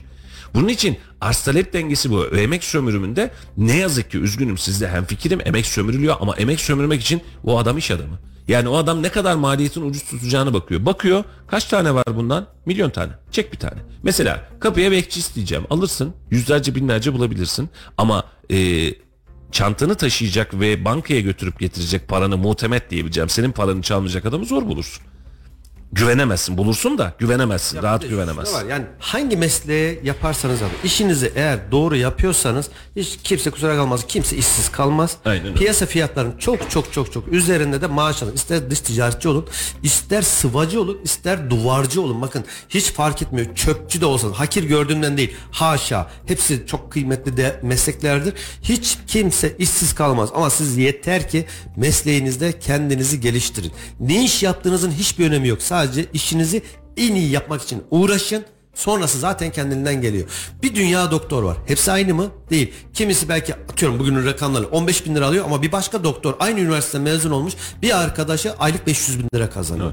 Avukatın bir tanesi asgari ücretle bile iş bulamazken öbür avukat ayda 100-200 bin lira kazanıyor. Bu birazcık da nitelik meselesi. Niteliklerle haline kendini Bir yetiştirmek. kardeşim yazmış şimdi. Hayırlı yayınlar Mustafa abim. 4 sene çıraklık yaptım. iyi ki yapmışım. Şu anda resmi bir kurumda elektrik ustası olarak görev yapıyorum. Ama maalesef alttan yetişen yok. Evet haklısınız. Ee, ve bunun içinde hepimize şöyle bir görev düşüyor. Etrafımızdaki ve kendi çocuklarımız dahil niteliği bunun için uygun değilse bu çocukları üniversite sınavı diye zorlamaktan vazgeçip bunları erken yaşta mesleğin içerisine e, sindirmemiz lazım. Yani nasıl sinecek? Kardeşim gelecek çıraklık yapacak. Çay parasına, yol parasına gidecek gerekirse. Hiç problem değil. Bak devlet de bunun teşvini veriyor. Bunu geçtik. Gidecek, çıraklığını yapacak, erkenden yetişecek, işi öğrenecek, mantığı öğrenecek. E, liseyi eğer bunu çıraklıkla geçirtirsen düşünsene 4 sene lisemiz var. Halil az maz bir mesele değil yani 4 sene. Bu çocuk 16-17 yaşına geldiğinde canavar gibi bir çırak olacak. Kalfa olacak. Üniversite sınavı dediğin süreçte bu adam bildiğin içesine hani Kayseri tabi içesine usta olacak ya. Eli çekiş tutacak, e, mantığı bilecek, makineyi bilecek, aksam bilecek ya da hangi işi yapıyorsa hiç önemli değil. İşi uzmanlaşmış olacak. 20-22 yaşında cevval her işi bilen attığını e, kopartan bir genci düşün. Abi piyasada aç kalma şansı yok. Öyle asgari ücreti asgari ücreti filan da çalışmaz yani. Çatır çatır işini yapar. Ama sen bu çocuğu üniversite sınavı ve üniversite sınavı sonrası diye devam ettirirsen atıyorum tıp kazandı. Atıyorum sonrasında KPSS'yi kazandı. O geçmiş olsun kurtardı hayatını. Doğru mu? Memur oldu vesaire oldu. Ya olamadı? Olamıyor zaten. 3 Nasıl milyon tane. Ya? ya? şimdi bak 3 milyon tane adam üniversite sınavına giriyor. Nitelikli yetişen sayısı 200 bini geçmiyor. Geçmez. Mümkün 3 değil. milyon 200 bin. Sen buradan bir eliyorsun zaten çocuğu. Yanlışlıkla o 200-300 bin yani niteliksiz diyebileceğimiz üniversiteye dahil ettin. Çocuk 4 sene 5 sene lay lay lom gezecek. Üniversite sistemimizde zaten yani çok laf söylene de rütük müsaade etmiyor. Leş. Zaten leş. Hadi bu çocuğu çıkarttın tamam üniversite 4 yıl 5 yıl bu da bitti dedin. Sonrasında aynen dediğin gibi KPSS. Hadi bir tur daha ondan sonra nitelikli işsiz. Bizim zaten hep konuştuğumuz bizim işsizlik problemimiz yok. Bizim nitelikli işsizlik problemimiz var. Niteliğimiz var. Adı üniversite mezunu çocuk şuradan geliyor. Abi diyor ben bu kadar yani hatırlıyorsun daha geçen gün yaşadık. Ben bu kadar yorulmaya hazır değilim diyor. Neye hazır değilsin paşam? Bu Şimdi başlı iş, başına bir Ha, konu. iş tanımı belli gelmişsin sen şunu yapacaksın. Diyorum ki bak sen çok yönlü bir çocuk ol. Şu ve şu alanda da kendini geliştir. Bak şu ekiple de şu ekiple de çalış atıyorum. Bir saat iki saat onunla çalış. Bir saat iki saat çünkü malzemen biriksin. Ya daha birinci hafta ya Halil bak birinci hafta. Ben bu kadar çok fazla yorulmaya gelemem. Niye gelemiyorsun? Oldu Ve ben paşam. hani gönderdiğimiz işte de şey değil. Hani burada angarya var şuradaki çayları getir değil. Şu adamların yanında git bak bunlar bu işi nasıl yapıyor bak ucundan tut. Ya da tutma problem değil ama git ve gör en azından yeteneğin varsa buraya da yönel. Ben bu kadar yorgunluğa gelemem diyor. Neye geleceksin abi sen? Neye geleceksin ya? Öyle yaptılar zaten. Ee, böyle içinde şey seyahat olan bir yolculuğa çıktılar. sürekli sohbet içerisinde olduğumuz dinliyorlarsa da selam olsun. İş adamlarımızın ortak e, sorunlardan bir tanesi diyor ki ben diyor işte atıyorum makine mühendisi alacağım, endüstri mühendisi alacağım, e, şirkete ihtiyacım var ya da mimar alacağım. Geliyor diyor çocuklar. Gelir gelmez benim odam nerede, masam neresi, bilgisayarım nerede, Tabii canım. kaç lira maaş vereceğiz. Ya diyor bir içeriye bir gir, fabrikaya bir gir, bir orayı bir mutfağını gör, orada bir elin yağ görsün, tornavida tutsun. Sen bir gör. Ya e, mimar olmuş, mühendis olmuş, her neyse endüstri mühendisi olmuş. Kumpas kullanmayı bilmiyor, mikrometre kullanmayı bilmiyor. Şaka gibi. Lise 1'deki çocuk, endüstri meslek lisesine giden lise 1 çocuğu bilen bir şeyi mühendis olmuş adam bilmiyor. Sonra ne oluyor? Masasından bile diyor kalkmıyor. Ben ne kadar maaş alacağım diyor. Fabrikadan haberi yok. E sonra e, kaçıyor gidiyor ya da benim işime yaramıyor ben gönderiyorum diyor. Abi zaten işte sen çocuğu böyle yetiştirirsen bak bu bahsettiğim öğrenci ya öğrenci bak devam ediyor. Hani cebine haçlık olacak ekstra olacak vesaire olacak ve yetiştirelim. Hani sen bizim buradaki ufkumuzu biliyorsun ya yıllardır beraberiz. Hani bir genci aldığımız zaman çok yönlü yetiştirelim bir yere marifeti varsa orayı uzmanlaştıralım. iki yılın bir yılın iki yılın sonrasında piyasaya aklı başında usta gibi çıksın. Hani çıksın piyasaya kardeşim ben bu işi yapıyorum desin. Şu an geçtiğimiz iki yılda böyle yetiştirdiğimiz ve şu an pa- pazarda piyasada nereye koysak oynayabilecek arkadaşlarımız var. Benim derdim bu. Ben bana yar olmayabilir, yarın bir gün gidebilir problem değil ama mesele bunu tutturmam. E bunu tutturmak için bak çok basit ya. Şununla da arkadaşlarla gitti nasıl yapılır? Ben bu kadar yorgunluğa gelemem diyor. Ya ben bu yaşıma gelmişim işletme sahibiyiz sözde sabahın köründe kalkıp akşamın bir saatine kadar debeleniyorsun. Şuradan şurada yani e, çok kaba olacak kusuruma bakmayın. Daha e, bildiği yanıldığına yetmeyen genç arkadaşım şuradan geliyor. Ben onu yapamam. Neyi yapacaksın abi sen? Sabah 8 akşam 5 mi Öğle arasında yemek molası, günde iki sefer sigara molası, çay molası, günlük normalde 2 saat çalışacaksın, 8 saatlik ücret alacaksın, üstüne sigortan yapılacak, üstüne o memur maaşı olacaksın, hatta sonra da işi beğenmeyeceksin, işe isyan edeceksin. Geçiniz efendim. Bu Yani- memleketin bekasının tek bir yolu var meslek liseleri açık söylüyorum. Bu memleketin kurtuluşu meslek liselerinden geliyor. Ee, ben de buna bir ekleme yapayım. Bizim eğitim sistemimizi komple modellememiz lazım. Meslek lisesi konusunda yüzde yüz seninle hemfikirim Halil ama bizim üniversite mevzuatını değiştirmemiz lazım. Üniversiteye bakışı değiştirmemiz lazım. Eğitimde bizim ortaokul tabir ettiğimiz yıllar itibariyle artık bizim çocuğun yeteneğini keşfedip bunu yönlendirebilmemiz lazım. Bizde bakın ortaokulda ortaokulda öğrencim var. Ahmet Bey doğru mu? Ee, geçtiğimiz dönemde de olmuştu. Ortaokulda hangi öğretmen bize ya bu çocuğu şuna doğru yönlendirin dedi. Hiç kimse demedi. Bizim en fazla konuştuğumuz sayısalcı mı olur sözelci mi olur oldu. Bunu da sınav sonucundan biz görüyoruz zaten. Ortaokuldan çıkan bir öğrencinin ya kardeşim bu çocuğun müthiş bir el yeteneği var, müthiş bir sanat yeteneği var, müthiş bir zihni var. Bu, bu çocuğu şurada değerlendirmeliyiz diyen eğitimci karşımızda yok. Gelmedi. E niye gelmedin abi? Yani bana deseydin ki senin çocuğun kardeşim üniversite sınavı ya bak bu ayrı bir hadise ama senin çocuğunu atıyorum resimle müthiş bir yeteneği var. Müzikte müthiş bir yeteneği var. Bu çocuğun e, görsel hafızası çok iyi, işitsel hafızası çok iyi. E, şöyle bir e, baskısı var. Bunu bu tarafa doğru yönlendirsek mi diyen bir eğitim sistemine ulaşmamız lazım. Bu bir. İki, meslek lisesi olmazsa olmazımız ara elemanı meslek liselerini çeşitlendirip mutlaka yetiştirmemiz lazım. Bu iki. Üç, üniversite mevzuatında kusuruma bakmayın şimdi yana yana övünüyoruz. Mesela Kayseri'de dört tane üniversite olmuş. Kardeşim benim filan diyoruz. 14 tane olsa ne hükmü var? Azaltın abi. Çoğaltmayı boş ver. Bak azalt. Kapasiteyi azalt. Ve devlet planlama teşkilatı tarzında bizim eğitim planlama teşkilatına ihtiyacımız var. Ne yapacak? Kardeşim benim bu yıl 2300 tane avukata ihtiyacım olacak. Bundan 5 yıl sonra. O zaman bu senenin kadrosu ne? 2300 kardeşim 2500 değil. Çünkü arttırdığın zaman pazar bozuluyor. Bak bu sistem bir tek eczanelerde tuttu biliyorsun Halil'cim. Eczaneler ne yapıyor? Birbirine hastane civarı değilse belli bir mesafede izin veriyor. Herkese izin vermiyor eczaneler. Doğru mu? Böyle bir teşkilatlanma var. E bak marketlere dip dibe 20 tane açılıyor. Niye birbirinin pazarını bozduruyorsun sen bu insanlara? Planlama yapmadığın için. Doğru planlamayı yapsan insanlar birbirle rekabet edeceğim diye aç kalmak değil Tam tersine nitelikli iş yapıp nitelikli tertemiz evlerine ekmek götürürler en azından. Bakın bir Fransız gezgin bir yazarın bir kitabından 1700'lü ya da 1800'lü yıllar tam tarihini hatırlamıyorum ama kitabında Osmanlı döneminde Suriye, Lübnan, Libya bölgesinde ya da Kudüs bölgesinde bir seyahatinde kitabında neler yazmış. Diyor ki ben diyor e, buralara gittiğimde böyle planlama yapılıyordu bir şey yapılıyordu. Nedir dediğinde mevzu şuymuş. 5 yıl sonra 7 yıl sonra şimdi belki rakamlar çok aklımda değil ama 7 yıl sonra Türkiye topraklarından hacca gidecek olan kafilenin çünkü o dönemler develerle ya da yürüyerek gidilen zamanlar 5 yıl sonra 7 yıl sonra nerede konaklayacak hangi üzüm bağından üzüm yetiştirilecek ya da incir olacak kumanyası ne olacak? Hangisinin ne olacak? 5 yıl 7 yıl sonrasını planlayıp o zamanki meyve sebze üretim planlamasını yapan bir ecdattan bahsediyoruz 300 sene öncesinden. Bugün geldiğimiz noktada sonuç her Sivas'a. neredeyse her ilçede ya da her mahallede üniversite sonuç işsiz. Üniversiteli işsizler. Efendim e, laf, la- lafın uz- ucu derin bir ara önümüzdeki haftalarda bu konuyu yeniden işleyelim Halil'cim eksik bırakmayalım. E, biz yavaştan müsaade isteyelim yayın süremizi de açtık. Halil birazdan yeniden yayına girecek oldu artık. Hiç kesintisiz İhsan'ı da alalım devam Kesinlikle edelim. buradan kalkmadan devam Evet. edelim. İhsan. Efendim Laf Sokak'ta ile baş başa bırakacağız sizi. Ekim ayı enflasyon rakamlarını, ENAK verisini ve TÜİK verisini sokağa sorduk. Sokağın verisiyle sizi baş başa bırakıyoruz.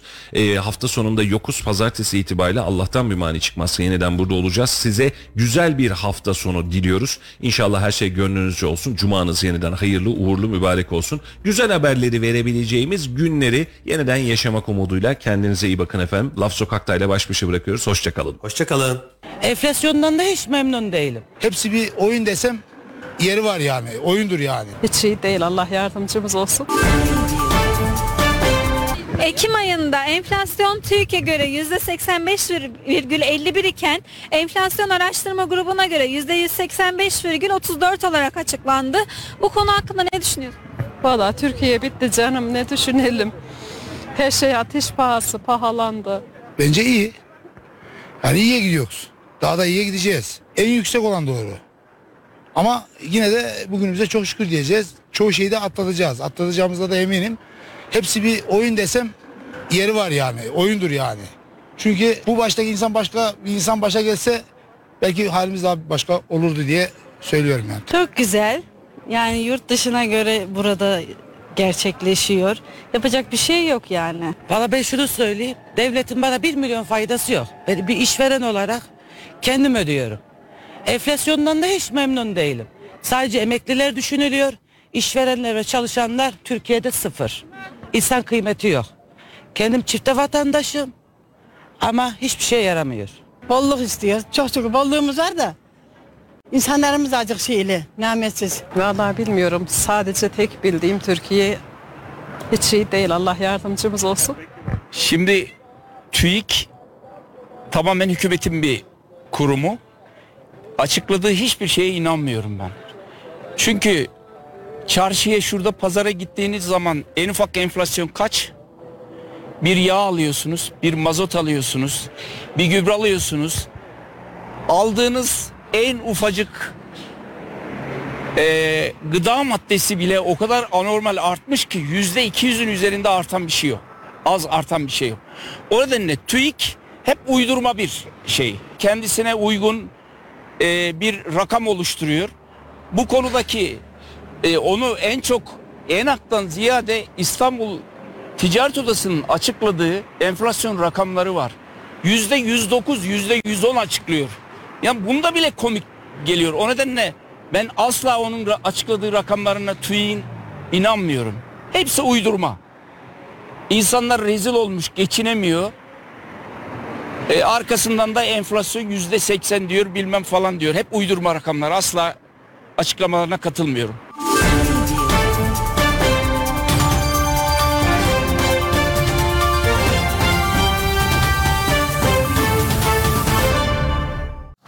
Radyo Radar yol açık sona erdi.